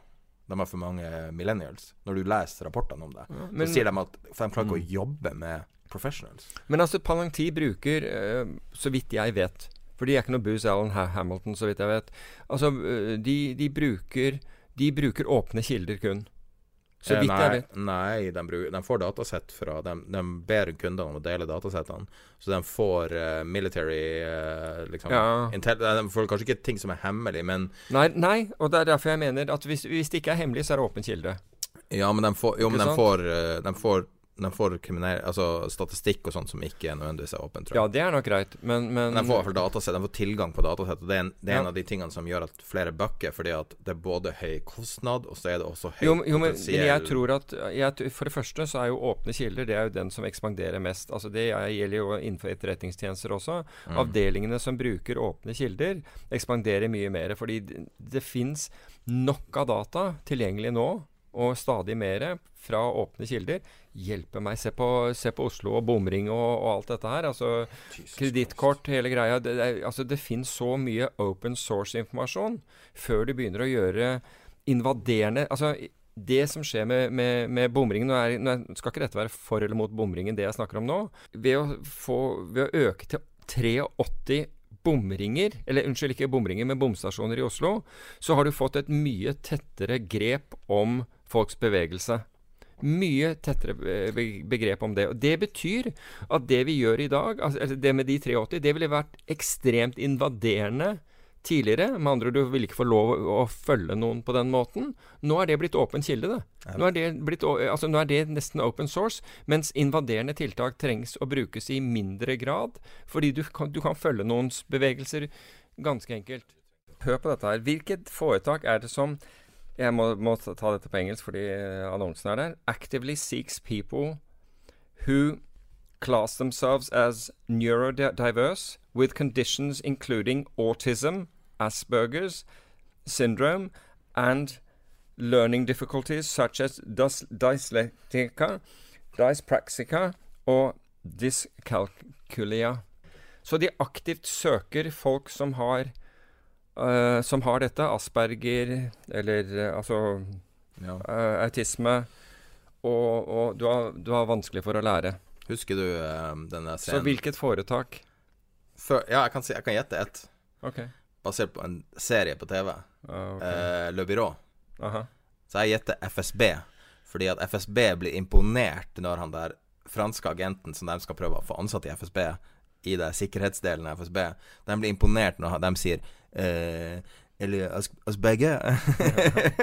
så, så jeg gitt FSB den nei, russiske sikkerhetstjenesten. Jeg har, jo, jeg har jo sagt til deg at uh, akkurat den uh, Le Byrå er, veld, er, veldig autentisk. Så du er, du er, på rett spor, men det er, det er, det er, du, på, du, er absolutt på rett spor. Det er en etterretningstjeneste, men det er ikke Oi, FSB. seriøst? Ja. Jeg visste ikke svaret. Hva det er, er britiske GCHQ.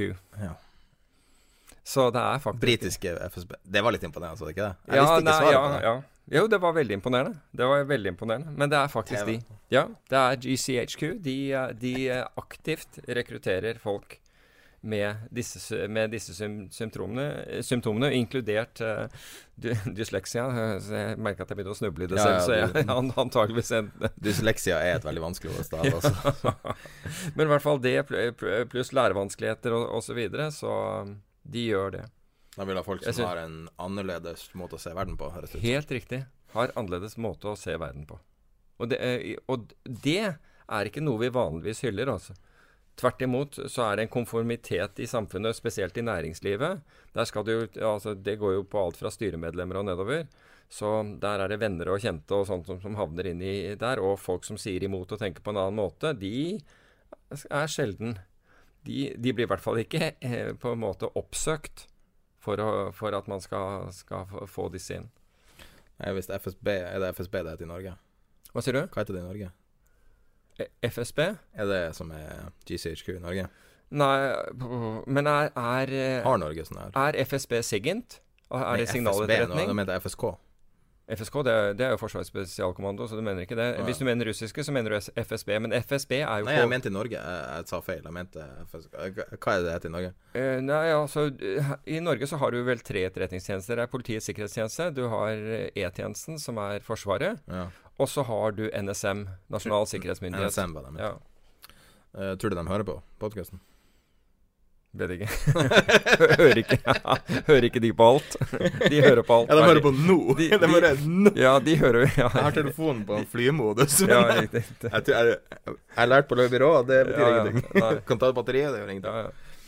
Eh, nei, så jeg melder meg frivillig til å være en sånn uh, Til å være en sånn uh, open mind. eh. bare ringe meg. Finn telefonnummeret mitt. Hadde- Ja, vi har sånn e-post Hadde telefonen din ringt nå, så hadde jeg med flymodus. med flymodus. Ja, ja, men jeg kan godt gjøre det som frilanser, eller noe sånt som Jeg har en eller annen sånn eh, Sånn udiagnostisert uh, disorder. Uh, nå blir det her en veldig sånn crude overgang. Men ja, når klokka fem Klokka var fem da på natta, og jeg var ferdig med det, så kom jeg over på noe jeg aldri hadde hørt om, som du hadde hørt litt om. Incutel. en oh, ja. strek Q Ja, ja. strek til. Ja. Og det er noe som høres ut som et Det høres ut som oppspinn fra en dårlig sånn romantisk komedie i USA. Som er da CIA sitt, sitt uh, uh, venturefond. ja, det er ikke et Ja. Det er, ja. Ja, det Jo, jo, de er Nei, vel altså- det. De er vel det, egentlig. Han som starta det, kom fra Silicon Valley. Uh, så han satt i Så jeg satt og hørte hele Hele Men der tror jeg rett og slett bare CIA går foran alle de, Altså, de har jo 16 tjenester i eh, hemmelige tjenester i USA, så der går jeg, ikke sant Og det, det, det er mer Ja, men han fortalte, det, han fortalte alt i et intervju, så jeg kommer Ja. til å legge det intervjuet ut på Facebook-gruppa. Tid er penger på Facebook. Og det intervjuet er bare helt sjokkerende. For du får vite så mye om CIA. Du får vite så mye om dynamikken. Du får vite hvorfor de gjorde ting, hvordan de tenkte på kompensasjon og alle mulige problemstillinger. Mm. Og også da typen etterretning, hvordan ting alt forandra seg 9-11, selvfølgelig. Og, og at de ble plutselig hyperprioritert. Hvordan politikere forsøkte å manipulere dem. De ville ikke at de skulle tjene penger, eksempel. Det var ikke lov å tjene penger. De prøvde å ikke tjene penger. De prøvde å konstruere trader sånn at de ikke tjente penger. Det var det verste utfallet. Fordi at det her er staten, så alt er snudd på hodet. Eh, så InQtel, IN-Q-tel, eh, det er basically Intel med Q inni, og Q-en er Q fra James Bond. Det er der navnet kommer fra. Så de prøvde å fronte seg som en sånn Q for CIA. Så ideen var at de skulle få access til cutting edge teknologi uten å måtte gå gjennom red tapen. Egentlig ganske briljant. Og så skulle de prøve å gjøre det litt cutesy, så de kalte seg liksom etter James Bond og basically Intel. Og så Mm. Q-en midt inni. Og ideen deres er at de skulle investere i masse selskaper som da fikk øyeblikkelig revenue, fordi de kunne få staten som kunde. Mm. og fikk da inn penger i tillegg. Eh, sånn at Veldig bra for noen som jobber med i det feltet. Eh, og han, han som starta det, er jo den mest tullete, useriøse karen du har sett i ditt liv. Sitter bare og flirer og tuller og forteller alt og modererer seg ingenting. Helt fantastisk å høre. Han er en Silicon Valley-mann. Han alt. Han har jo, han har jo sikkerhetsklæring, altså, han her karen. Hei. Det høres jo ikke sånn ut. Ja, Cosmic han må jo sikkert ha det, men det høres jo ikke helt, uh, helt troverdig ut hvis han sitter og forteller hva som helst. Men nå har jeg ikke sett et intervju, så jeg må Og de har Du ville fort miste business hvis du brøt med Altså, de investerte i Google sånn 2004 eller 2003 eller noe sånt. Altså, det her var eh, Og det var dem som eh, eh, Altså, de investerte ikke i Google, men de investerte i uh, Keyhole, som er det selskapet som ble til Google Earth. Um, men i hvert fall, så Mhm. Incutel har investert i så grassat mye selskaper. Så kom jeg på Så satt jeg og bladde igjen. Jeg hadde ikke hørt om ett eneste uten Keyhole som ble Google Earth. Og de, de var redd, det var en av de plassene de tjente for mye penger. Men det var en veldig artig en her, når du begynner å scrolle nedover. Tenker jeg Altså, folk er jo redd CIA, og det er jo filmer med konspirasjonsteorier og sånn. Og da var det en av de her tingene langt nedi her, på, på Wikipedia. Alt er jo åpent. Det er jo litt en ny verden der du kan bare se hva CIA driver på med. Og en av de tingene dem I hvert fall hva folk tror de driver med. Men ja. Så jeg må gjøre en kontroll F på sida. Teeth. Altså tenner. S Sonitus Medical investerte dem i. Transmit sounds via teeth. Yes. Og da tenker jeg, hvis det er én ting folk har vært redde for med CIA, så er det at de implanterer noe i tennene og kan høre på det. Mm. Og her har du beviset. Sonitus Medical. Wow. Men det er virkelig fascinerende, altså, hvordan de Men det kan være at det er Det, det er ikke, det er ikke Altså, det kan jo være en algoritme som gjør et eller annet spesielt. En kode, ikke sant, som, uh, Jeg bare syns det var artig. som de har funnet. Eh, Det er for så vidt ikke så mye å snakke om med Incutel, men jeg anbefaler folk å se det intervjuet som ligger på Facebook-sida, og, eh, og bare lese litt om det. Det er, det er mye cutting edge der, og de har jo da tjent grassat med penger nettopp på Palantir, da. Og de har hatt veldig stor suksess med å implementere Palantir i, um, i etterretning, i militæret. Mm. Uh, jeg tror eh, Department of Defense bruker det mye. De har jo sin egen etterretningsorganisasjon der òg. Men altså, husk på det, det er CIA som mater alle disse, da. Mm. Um, Men de sa at hvis de hadde hatt datasettet i 2000, og, 2000 mm, og kjørt det og brukt noe og vel, Da var de jo for, Da var de bekymra for den bombinga på World Trade Center. mm, Og hvis de hadde kjørt datasettet basert på bombinga, så hadde de funnet 21 av 23 terrorister uten noe manipulasjon. Bare basert på, bare basert på basic metadata. Mulig. Men det, ja, men, men jeg vil jo tro at det også har med at, vi, at vi, vi At historien siden er kjent, og så, og så bruker du den for å, se, for, for å se om du kunne finne den. Jo, men det, i Nei, det er ikke gitt 9-11 fantes det et system for å flagge folk. Og det hadde Ja. i hvert fall halvparten, og det ble ikke Det det ble det ikke riktig, tatt hensyn til. fordi det ikke ble delt mellom etterretningsorganisasjonene FBI og CIA. Så Der, derfor var det ikke det. Var, du har helt rett at, ble, at eh, de ble flagget. Men mens man er inne på, for det var det jeg egentlig søkte i sted, da du, eh, da du eh, påpekte dette med, med telefon, da søkte jeg faktisk opp Det var Jeg skulle spørre deg om hva du kunne Ja, vet du hva du kan ta daglig? Dette er ifølge Financial Times, en, en eh, artikkel der, som vil beskytte deg mot Parkinsons, eh, leversykdommer, type 2-diabetes, skal eh, forbedre kognitive, altså hjernefunksjoner, kognitive funksjoner, og redusere risikoen for depresjon, og muligens forhindre Alzheimer. Eller i hvert fall holde det, eh, holde det i sjakk. Vet du hva du kan ta daglig for å gjøre det? Søvn. Ja, ja, jeg vil nok tro at du har rett i det at søvn også, men dette er noe du skal ta, altså som tas oralt. Men, uh, uh, men MDMA. Uh, det, det vet jeg ikke. Det har jeg ingen erfaring med, så jeg vet ikke det. Men det er enklere enn det, og rimeligere. Vann. Du er på vei, men det er ikke vann. Men jeg ville tro, men jeg vet ikke om vann for, altså, gjør noe med depresjoner, parkinson og alzheimer. Parkinson, hva det kan være?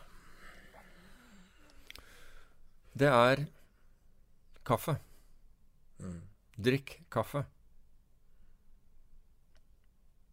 Så hvis du, hvis du Eller ta MDMA. Det kan ikke Ja, det vet jeg ikke, det men skade. eh, det, det kjenner jeg ikke til. Men, men hvis du altså enten altså, Hvis du da drikker kaffe og sover mye Det høres kanskje mot eh, Altså, jeg kan drikke en dobbel espresso som det siste jeg gjør. Jeg sovner like godt eh, minutter etterpå. Men eh, noen kan ikke det av en eller annen grunn. Men det er en disposisjon, tror jeg. Altså, enten kan du eller ikke. Men hvis du får nok søvn, altså åtte timers søvn, og drikker kaffe i moderate mengder De sier også det om rødvin, men da har du kommet ganske langt. Vet du hvor det rødvins uh, tar, Altså det at det er sunt å drikke ett eller to glass rød Vet du hvor det kommer fra? Antakeligvis en fransk vinbonde. Fra, det var en rapport som, der de prøvde å finne ut om det var er Om det var- da. Men det er det i kaffe. Nei, om det var noen nivå av alkohol som var trygg. Mm. Eh, og så Og så sier han forskeren Nei, ingen nivå av alkohol. All alkohol er skadelig. Så sier de ja, men hvis du må si Altså, er det er all alkohol? Mm. Så sier han liksom Hvis du skal drikke alkoholen Så hvis du drikker ett eller to glass vin, så er det mindre skadelig enn å drikke deg dritings hver dag. Men all alkohol er skadelig.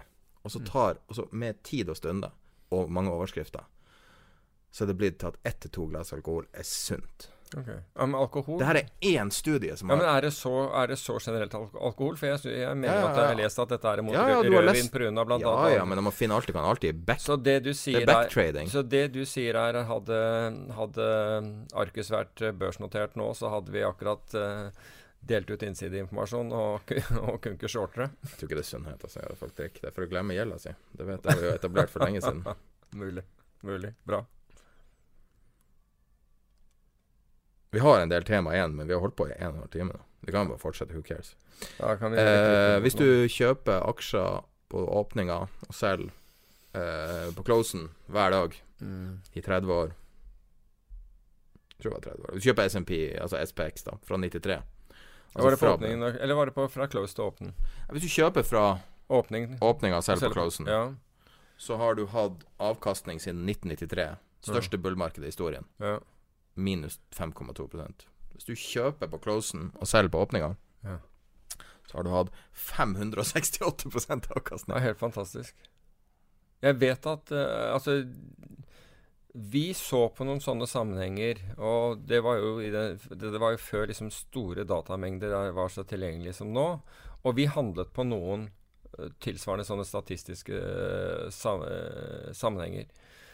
Uh, men vi, vi følte jo at volatiliteten ved det, altså variasjonen i avkastning, av og til var ubehagelig stor.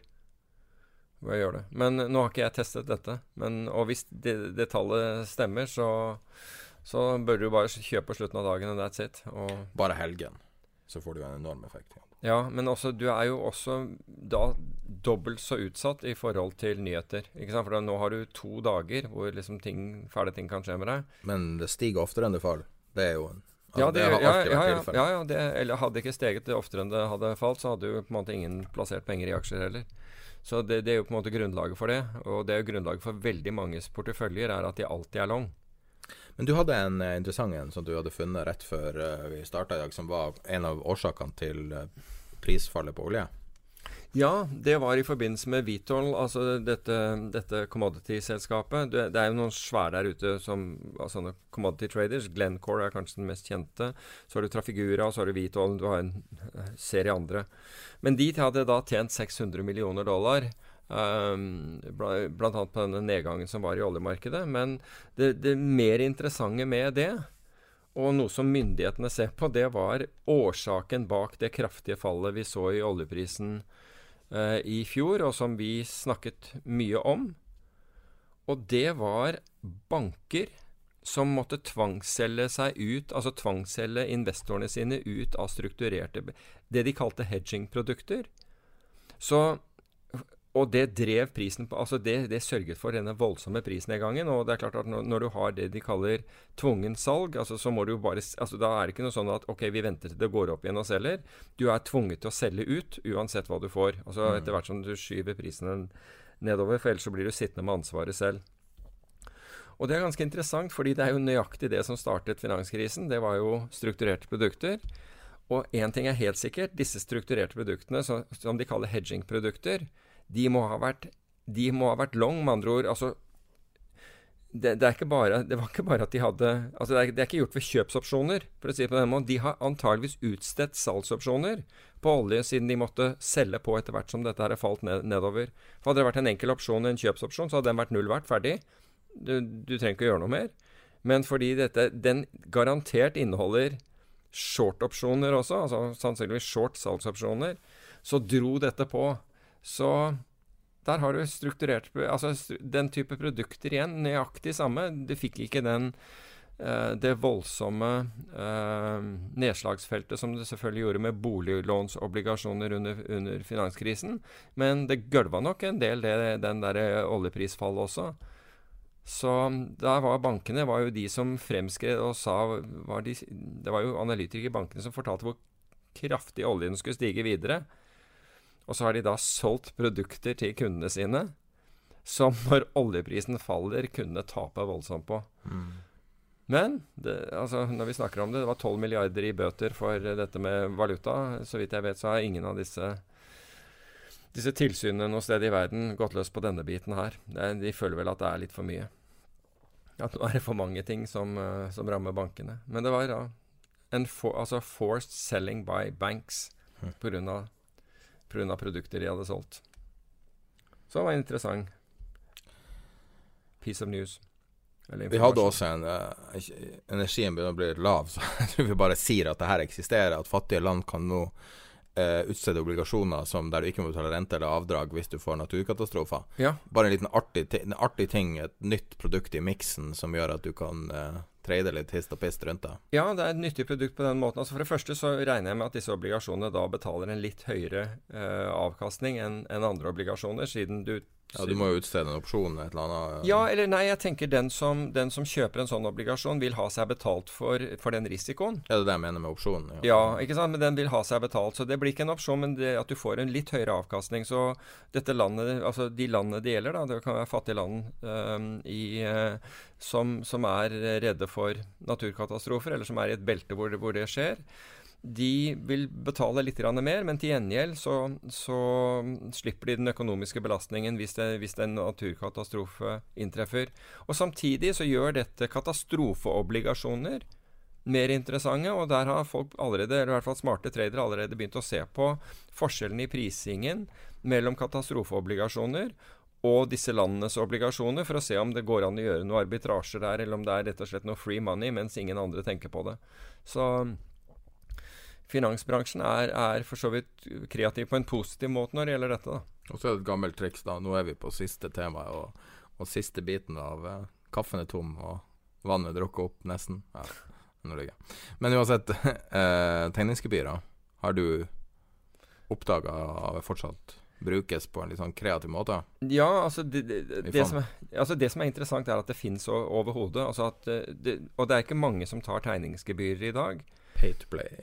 Hva? Pay to play. Ja, men, men, det er fortsatt det. Og det er også tegningsgebyrene neste, det er, um, altså For det første altså Du, du ser tegningsgebyrer. Jeg så tok vel en på, på og skrev om på, på, en blogg, men det er vel kanskje over et år siden, hvor de tok 7% i tegning for at du skulle investere i en kombinasjon av to fond. Mm. Og Det ene var et aksjefond. Du kunne gå, gå, og kjøpe det for ikke noe. altså Du trengte ikke det. Og det andre var et hedgefond, og det hadde heller ikke tegningsgebyr. Så dette forvaltningsselskapet, eller rådgiver, eller hva de kaller seg, tok 7% for det. Og det er ganske interessant i en tid hvor du kanskje ikke Altså bankrenten er 1 Så du skal betale syv års bankrente bare for å kunne investere i noe. Så går jo ikke det inn i avkastningsberegningen. Så det er ikke sånn at det, altså Når da, man da beregner hvor gode var disse fondene, så trekkes det ikke fra de 7% for det holdes helt utenom. Så det er jo en interessant måte å Men hvordan dukker disse uh, tegningsgebyrene opp? Jo, fordi du, du, må ha noe du skal betale selgerne dine med, og det betyr at du får antagelig feil type selgere inn i, i utgangspunktet. Det er det ene. Og det andre er at det ofte er gjort på, på basis av enten en skrivebordstest, altså en sånn derre eh, proforma avkastning Hvis du hadde investert i dette for to år siden, så hadde det gått kjempebra. Og det, du vet jo, nå vet du jo historien. Uh, eller nå vet du hva som, hva som skjedde, og så er folk villige til det. Men det betales nesten ikke uh, tegningsgebyr i dag, men det er noen unntak fra det. Det er jo ett profilert fond som har det. Ja. Det er ett profilert, og, og, og 10 ikke? Jo, og det går Men det som er interessant her og Det er sånn egentlig denne, denne diskusjonen dukket opp. For noen henvendte seg til oss på, på, på Facebook øh, eller på, på Messenger og, og, og, sier at kan det stemme? Uh, og så hadde jeg en diskusjon, så sier vedkommende ja, men det er jo ikke så farlig for, for 10 det, det går til fondet. Mm. Det går inn i fondet, så da er det ikke så farlig. Og da tenker jeg, er det, er det riktig? Hvis du da har to fond, og det ene har 10% tegningsgebyr som går inn i fondet, det andre har ikke. Ett år senere så har det fondet gått, er det fondet 10 mer verdt Rett og slett for tegningsgebyrene har løftet avkastningen på det der i fondet. Forvalteren har ikke gjort noe. Mm. Det er jo Altså, du har fått du har fått av, og så får du da Du får, øh, du får forvaltningshonorar. Du får, får suksesshonorar. Og du har, du har, ikke gjort noe. Mm. Men i resultatene som da gis f.eks. til Morningstar, eller hvor det måtte være, så ser det ut som du tjener 10 bedre, mer enn alle andre. Du ser jo ut som et geni uten å ha gjort en eneste ting. Jeg vil også argumentere at det her faller inn under definisjonen av en ponzi-skim. I hvert fall farlig nært det. Ja, det er, det er ikke Du betaler nye invest nei, gamle investorer med nye sine penger. Det er det som er en. Ja, men, men, du kan si at hvis alle hadde betalt denne 10% så går det hele tiden inn i fondet. Så det er jo ikke sånn at uh, Ja, ja, du, altså hvis folk begynner da å ta ut, så får de, får de jo en andel av dette. Men det er jo en merkelig Altså, ikke for det. Vi brukte dette Vi brukte det selv. Vi brukte det på, på innløsningsgebyr, for vi sa at fondet er egentlig du, Det er en, det er en lockup på ett år når du, når du investerer. Så er, en, ja, hedgefond, ja. ja så, så, er fondet låst i, Du har låst pengene i ett år.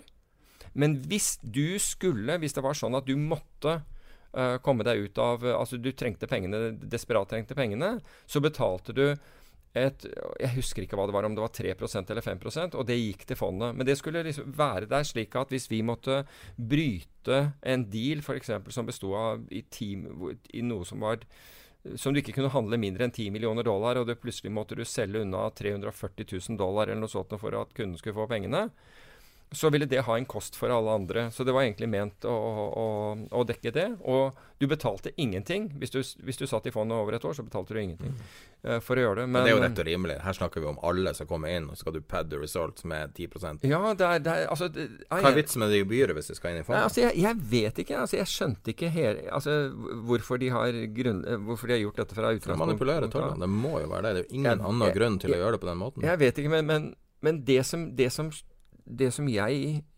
stusset på, det var at ingen av de som da eventuelt, altså presumptivt, har betalt inn, for dette fondet er jo over en milliard, uh, har betalt inn disse pengene, at ikke de skjønner at de, de egentlig har kjøpt sin egen avkastning. De har, de har, liksom jobbet for sin egen avkastning. Forvalteren har ikke gjort noe. Altså i utgangspunktet, da. Det er 10% avkastning, som er egentlig bare penga dine.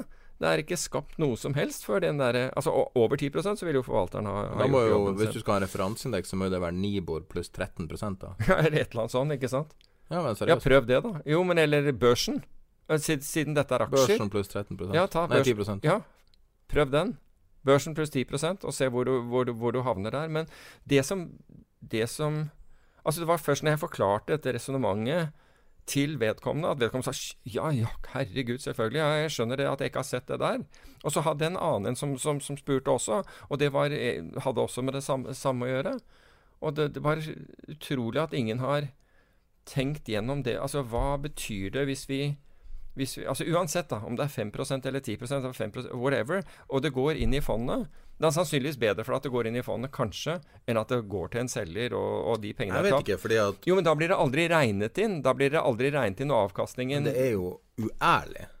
Nei, det er ikke uærlig hvis, hvis du vet Nei, det er jeg uenig i. Det er ikke ja, uærlig, er ikke uærlig hvis, hvis, folk vet at Hvis du skriver det, hvordan dette gjøres Jeg vil si det som doping. Ja, men er, jeg, du doper resultatene. Ja, du do, ja, men du doper resultatene. Men, men, hvis, du, hvis, du, ja, men hvis, du, hvis, hvis, det er lovlig å epo-dope resultatene, da Jeg sier ikke at du skal gjøre det. Hvis du ikke gjør det, da hvis du er en, du er, la, la oss si at du er en konkurrerende uh, forvaltningsforetak som gjør det gratis.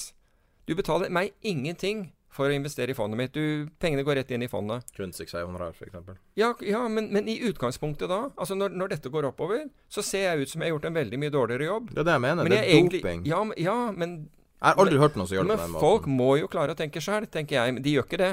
Det er jeg enig i. Altså, de Men det er jo grunnen til at du har en konsesjon. Ja. Det er jo fordi du skal Ja, men- følge best practices. Ja. Ja, men så, ja, jeg er enig med deg, men det, det er ikke ulovlig å være dum. Ja, men, Det er faktisk ikke det. Og hvis, hvis, hvis forvaltningsselskapet, og det Jeg kikket litt på dokumentasjonen, og det står der, så, så gjør ikke de noe uærlig, bare så det er sagt. Jeg, jeg man kan også skjønner si at det her, det her er i avisa hele tida. Ja, ja. Så det Ja, er et kjent fond. Ja, det er et kjent fond, men, men, men poenget, er, poenget er at jeg, jeg er helt uenig i at de gjør noe uærlig, så lenge det står der, og, det og man ikke fordekker det på noen måte. Umoralsk i Det føles bare feil. Altså, det er ingen grunn til å gjøre det hvis du ikke skal prøve å pad the results. Ja, altså, jeg skjønner ikke Det jeg ikke forstår, det er at, ikke, ikke, at folk som da har tegnet seg, ikke har forstått at, forstått konsekvensen av det. Det er det jeg ikke skjønner. Ikke bare det, men hvis du har suksesshonorar, så tar du suksesshonorar uten at du har gjort en ting. Altså Hvis det, hvis det akkurat gikk opp 10 da, Ja, men hvis, okay, hvis så tar du du suksesshonorar. Du har, Ok, Grunnen til å gjøre det kan være at alle skal være langsiktige. Fordi at hvis du closer ut med en gang, så har du tapt 10 ja, men hvorfor ikke Ja, men hvorfor ikke da bare gi Ja, OK, men da kan Da du er det en, en eh, monetær du- lock-in. Ja. Ja, ja. Det kan man si er Ja. Men hvorfor, ja, men hvorfor skal det være la- langsiktig? Jeg investerer du i illikvide aksjer? Er det derfor? Hvorfor skal du gjøre noe illikvid? Vi hadde månedlig, øh, månedlig øh, tegning og innløsning. Mm. Men vi så at folk hadde kvartalsvis, og noen hadde årlig. Andreas Halvorsen hadde årlig likviditet i fondet. Mens vi tenkte at ok, hvorfor skal vi gjøre det vanskelig? Hvis folk, altså Det er deres penger. Hvorfor skal vi gjøre det vanskelig? Noen gjør det fordi de sier skal du være hos meg, så skal du i hvert fall være der. Jeg vil også gjerne ha pengene i et år, for, det, tok, det tar tid å etablere posisjoner. Det er tid å, å, Ja. å skape avkastning. Men, øhm, men, men. Men jeg er uenig i at det er uærlig. Umoralsk vet, jeg ikke. Men det er jo kan- bare kan hende. synsing. Altså, jeg... Det er synsing. Men, Men altså, det føles bare rart at noen finner opp hjulet på nytt. Hadde det her vært best practice, så ville jo alle ha gjort det. Ja. Hvis du de har lock-in, så har lock-in skal du ha sånn Ja. Sånn som du har sånn Men, exit-klausul. men, men det er som du nevner, da. Altså, hvis det, dette er et omtalt fond Det er ikke en journalist som har sett at. Nei, men seriously, det er ikke en journalist som har tenkt over Ja, over det dette her. det. Jo, men altså, du kan gjøre Jeg tror journalister gjør research, jeg. Nei. Men det skal ingenting til for å se at jøss, avkastningen der kommer jo faktisk fra, fra investoren selv. Ja. Ikke sant? Altså, det er jo helt merkelig. Men anyway. Altså, det er jo Avkastning er jo selvrapportering, så hvis du har valgt en si, non-gap principle Ja. Altså Se nå på, på alle de selskapene, hvordan de Altså En av tingene du alltid skal se etter, er hvordan de non-gap-rapporterer. Mm. Hvis du ikke følger reglene, så kan du jo si finne på parametere. Sånn som Mm. Palantir, som sier eh, revenue impact, eller de har et sånt rart ord, i stedet for å bare si penger er tjent og overskudd. Ja. Det er noen klassisk Ja, ja, er dead giveaway på er alle selskap når de finner på et nytt parameter. Mm. Jeg skal ikke nevne Tesla. Jeg lover. Vanvittig rebound de har hatt det siste. Ja. Eller Dead Cat Bounce. Mm. Eh, så kan vi da avslutte. Nå er vi nesten på to timer, Ja, altså, med god margin. Lengste episoden. ned. Eh, har du lest noe siden sist? Ja, men uh, jeg, har, ja, jeg har lest uh, uh, en bok som ble anbefalt meg av en, en forvalter som jeg møtte, en utenlandsk forvalter. Eller jeg, jeg driver og leser den nå, men den, den handler om kvantifisering av suksess. Altså med andre du ser på en massevis av suksesscaser, og væ- være seg enkeltpersoner, bedrifter, hva, hva som helst, og så prøver du å finne ut og så, og så bruker du da dataanalyse på å finne ut hva er det som går igjen i disse. Det er liksom ikke noe unikt, men det er ganske interessant hva som, ble, hva som er blitt funnet. Og hvordan samfunnet har også vridd seg. Og et av eksemplene som brukes her, er bl.a. Mona Lisa. Da man trodde at Mona Lisa var, var malt av noen andre, for det, var jeg ukjent med, men jeg så hadde det omtrent ingen verdi. Og i det øyeblikket ja, det, det er det man hevder. Men man bruker, man bruker eh, Mona Lisa, man bruker en hel del andre eh, eksempler. I det øyeblikket det er kjente eh, Det er jo akkurat det samme bildet, men i det øyeblikket det er jøss, det er den, så får det en vanvittig verdi. Og poenget her er med suksess er at suksess er ikke nødvendigvis bare eh, hva du leverer, men det er hvordan, hvordan samfunnet ser det. Og da forstår man hvorfor byrådet i Oslo bruker 22 øh, øh, PR-folk. Hvordan du klarer å påvirke diskursen, altså hvordan folk ser på ting. Og vi har hatt andre ting i media nå. Vi skal, unnskyld, vi skal, ikke, ta, vi skal ikke, gå gjennom disse. Men, men poenget er at, at, alle disse som driver med myndighetspåvirkning eller påvirkning av hva det måtte være, altså velgere, whatever det er, da skjønner du altså vi, at det er mindre og mindre har med den virkelige leveransen å gjøre, og mer og mer har det med hvordan vi, hvordan vi oppfatter noe. Og det betyr at, at folk kommer til å bruke mye penger på sånne som kan påvirke PR-agenter og, og, den type ting, som kan påvirke media, fortelle hvordan det, dette skal være. Og vi ser det jo også i finans. Hvis, jeg skal bruke et veldig godt eksempel eh, fra finans. En, en av de beste uh, forvaltningsforetakene uh, eller finansforetakene i, i, i Norge er sannsynligvis Intelligent Trading. Selskapet Intelligent Trading. Jeg kan ta feil. DN, uh, unnskyld hvis jeg gjør det, men den som har skrevet om det, har vært Finansavisen. Det er så vidt jeg vet en som omtrent har skrevet om disse gutta. Men de har hatt fantastisk avkastning. Men det du hører om, er jo helt andre i, den, i, det, i det, daglige. Så, så, så um, opphøyes og, og, og, og dytter, dytter, man frem helt andre forvaltere i, i, i det, det, de kaller det public domain. Jeg, jeg, er helt sikker på Helt sikker er jeg ikke, fordi uh, jeg vet det ikke. Men, men, at Intelligent Trading aldri har brukt, uh, aldri, har brukt uh, PR-rådgivere. Og, og, fremmet, liksom fått saker plassert i, i media, fått for, som da koster fra 40 000 kroner oppover. Altså, du tror liksom at, at det du leser, er, eh, er, god analyse, og at man har gått gjennom alt, og denne forvalteren er osv. Men i virkeligheten, så er i mange tilfeller, så er det noen som har dytta i en eller annen retning på dette. Uh, og du glemte å spørre meg om jeg har lest noe siden sist. Ja, jeg har lest masse om Tsjernobyl fordi jeg har sett serien om Tsjernobyl. Som jeg hører flere si er kjempebra. Den har den høyeste scoren av en film og en TV-serie noensinne på Internet Movie Database. Uh, og det er velfortjent. Det er så bra og så rystende. Um, og um, du, du, må bare gå og se få HBO Nordic og se, se Chernobyl. Altså. Det er bare fantastisk TV5 vi så da.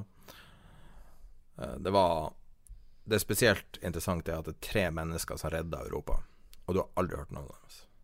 Og fram til 2016 så trodde alle de var døde. Og de, to av dem lever fortsatt. Og de redda hele Europa. To, tre stykker. Det er ganske utrolig, altså. Jeg skal, jeg skal uh, sørge for å se serien. Og så må man se på Le Byrå. Byrå, ja, men den er vel den, altså, Det er ikke noen ny sesong der. Nei, men det kommer en til. Billions Vent, da. Kom den i går? Det er du som jobber med det. Jeg lurer på om det. Det er den siste. Ja, en siste ting.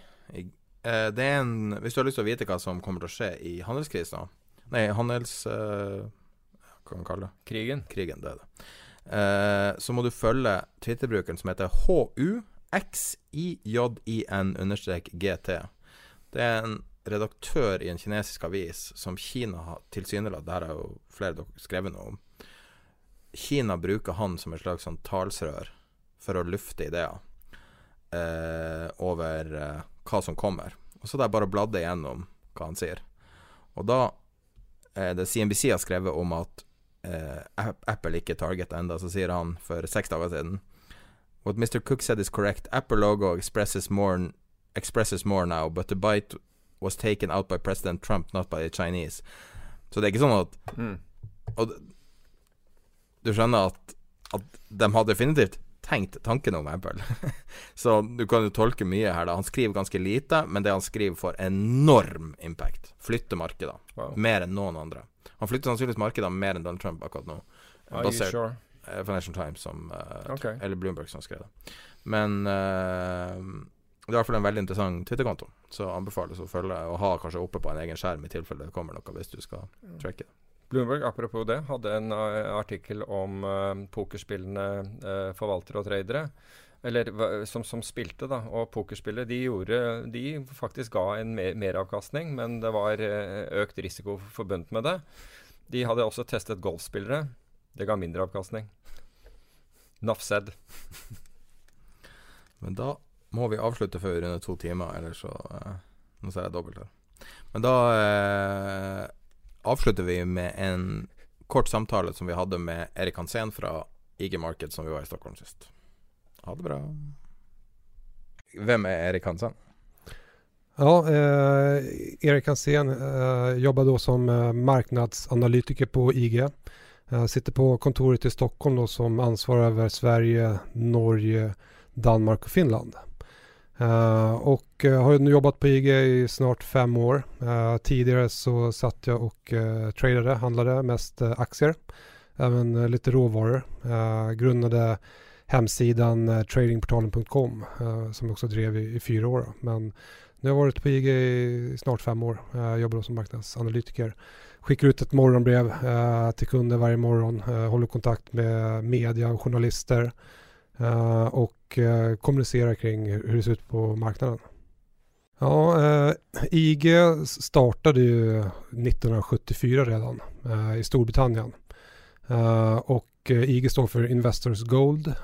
vi började då erbjuda handel i guld på, på 70-talet. Det var svårt för privatpersoner att få en exponering mot guldet.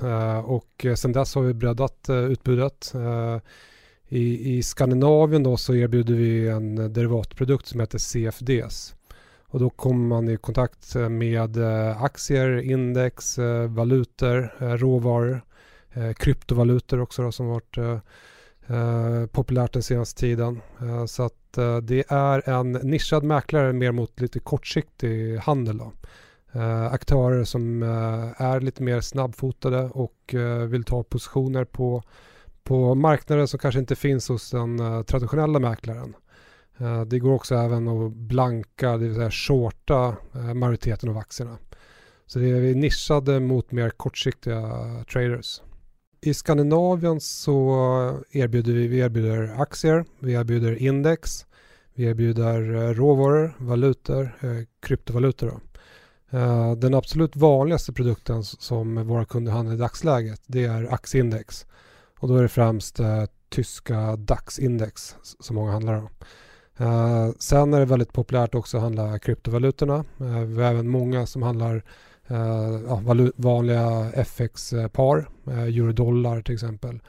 Eh, och sen har vi aktier också. Men på aktiesidan så är vi, skulle jag säga, ett, mest ett komplement till den traditionella aktiemäklaren.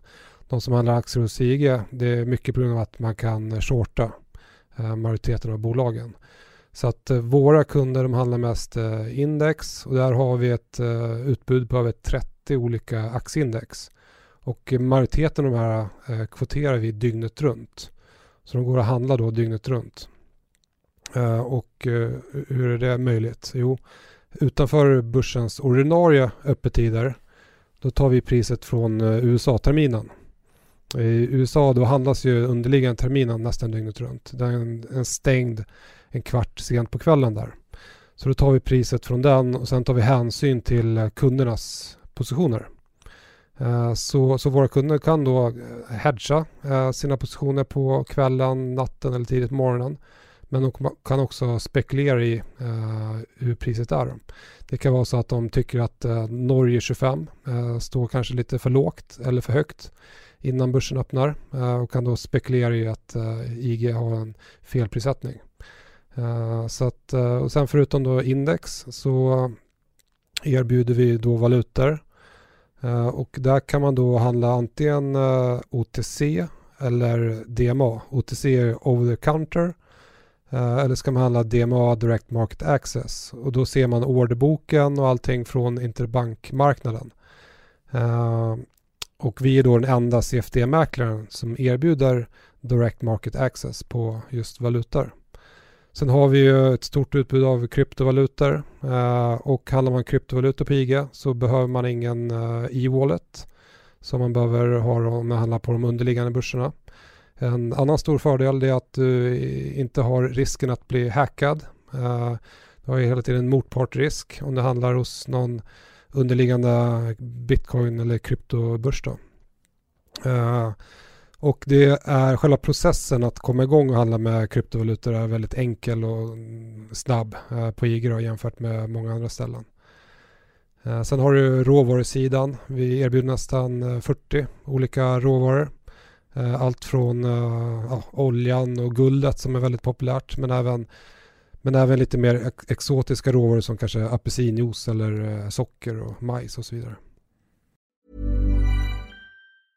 Hej, det Danny Pellegrino from Everything Iconic. Ready to upgrade your style game without blowing your budget? Check out Quince. They've got all the good stuff, shirts and polos, activewear and fine leather goods, all at 50 to 80% less than other high-end brands.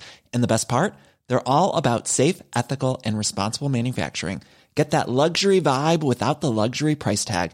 Hit up quince.com slash upgrade for free shipping and 365 day returns on your next order. That's quince.com slash upgrade. When you make decisions for your company, you look for the no brainers. If you have a lot of mailing to do, stamps.com is the ultimate no brainer. Use the stamps.com mobile app to mail everything you need to keep your business running with up to 89% off USPS and UPS. Make the same no-brainer decision as over 1 million other businesses with stamps.com. Use code program for a special offer. That's stamps.com, code program.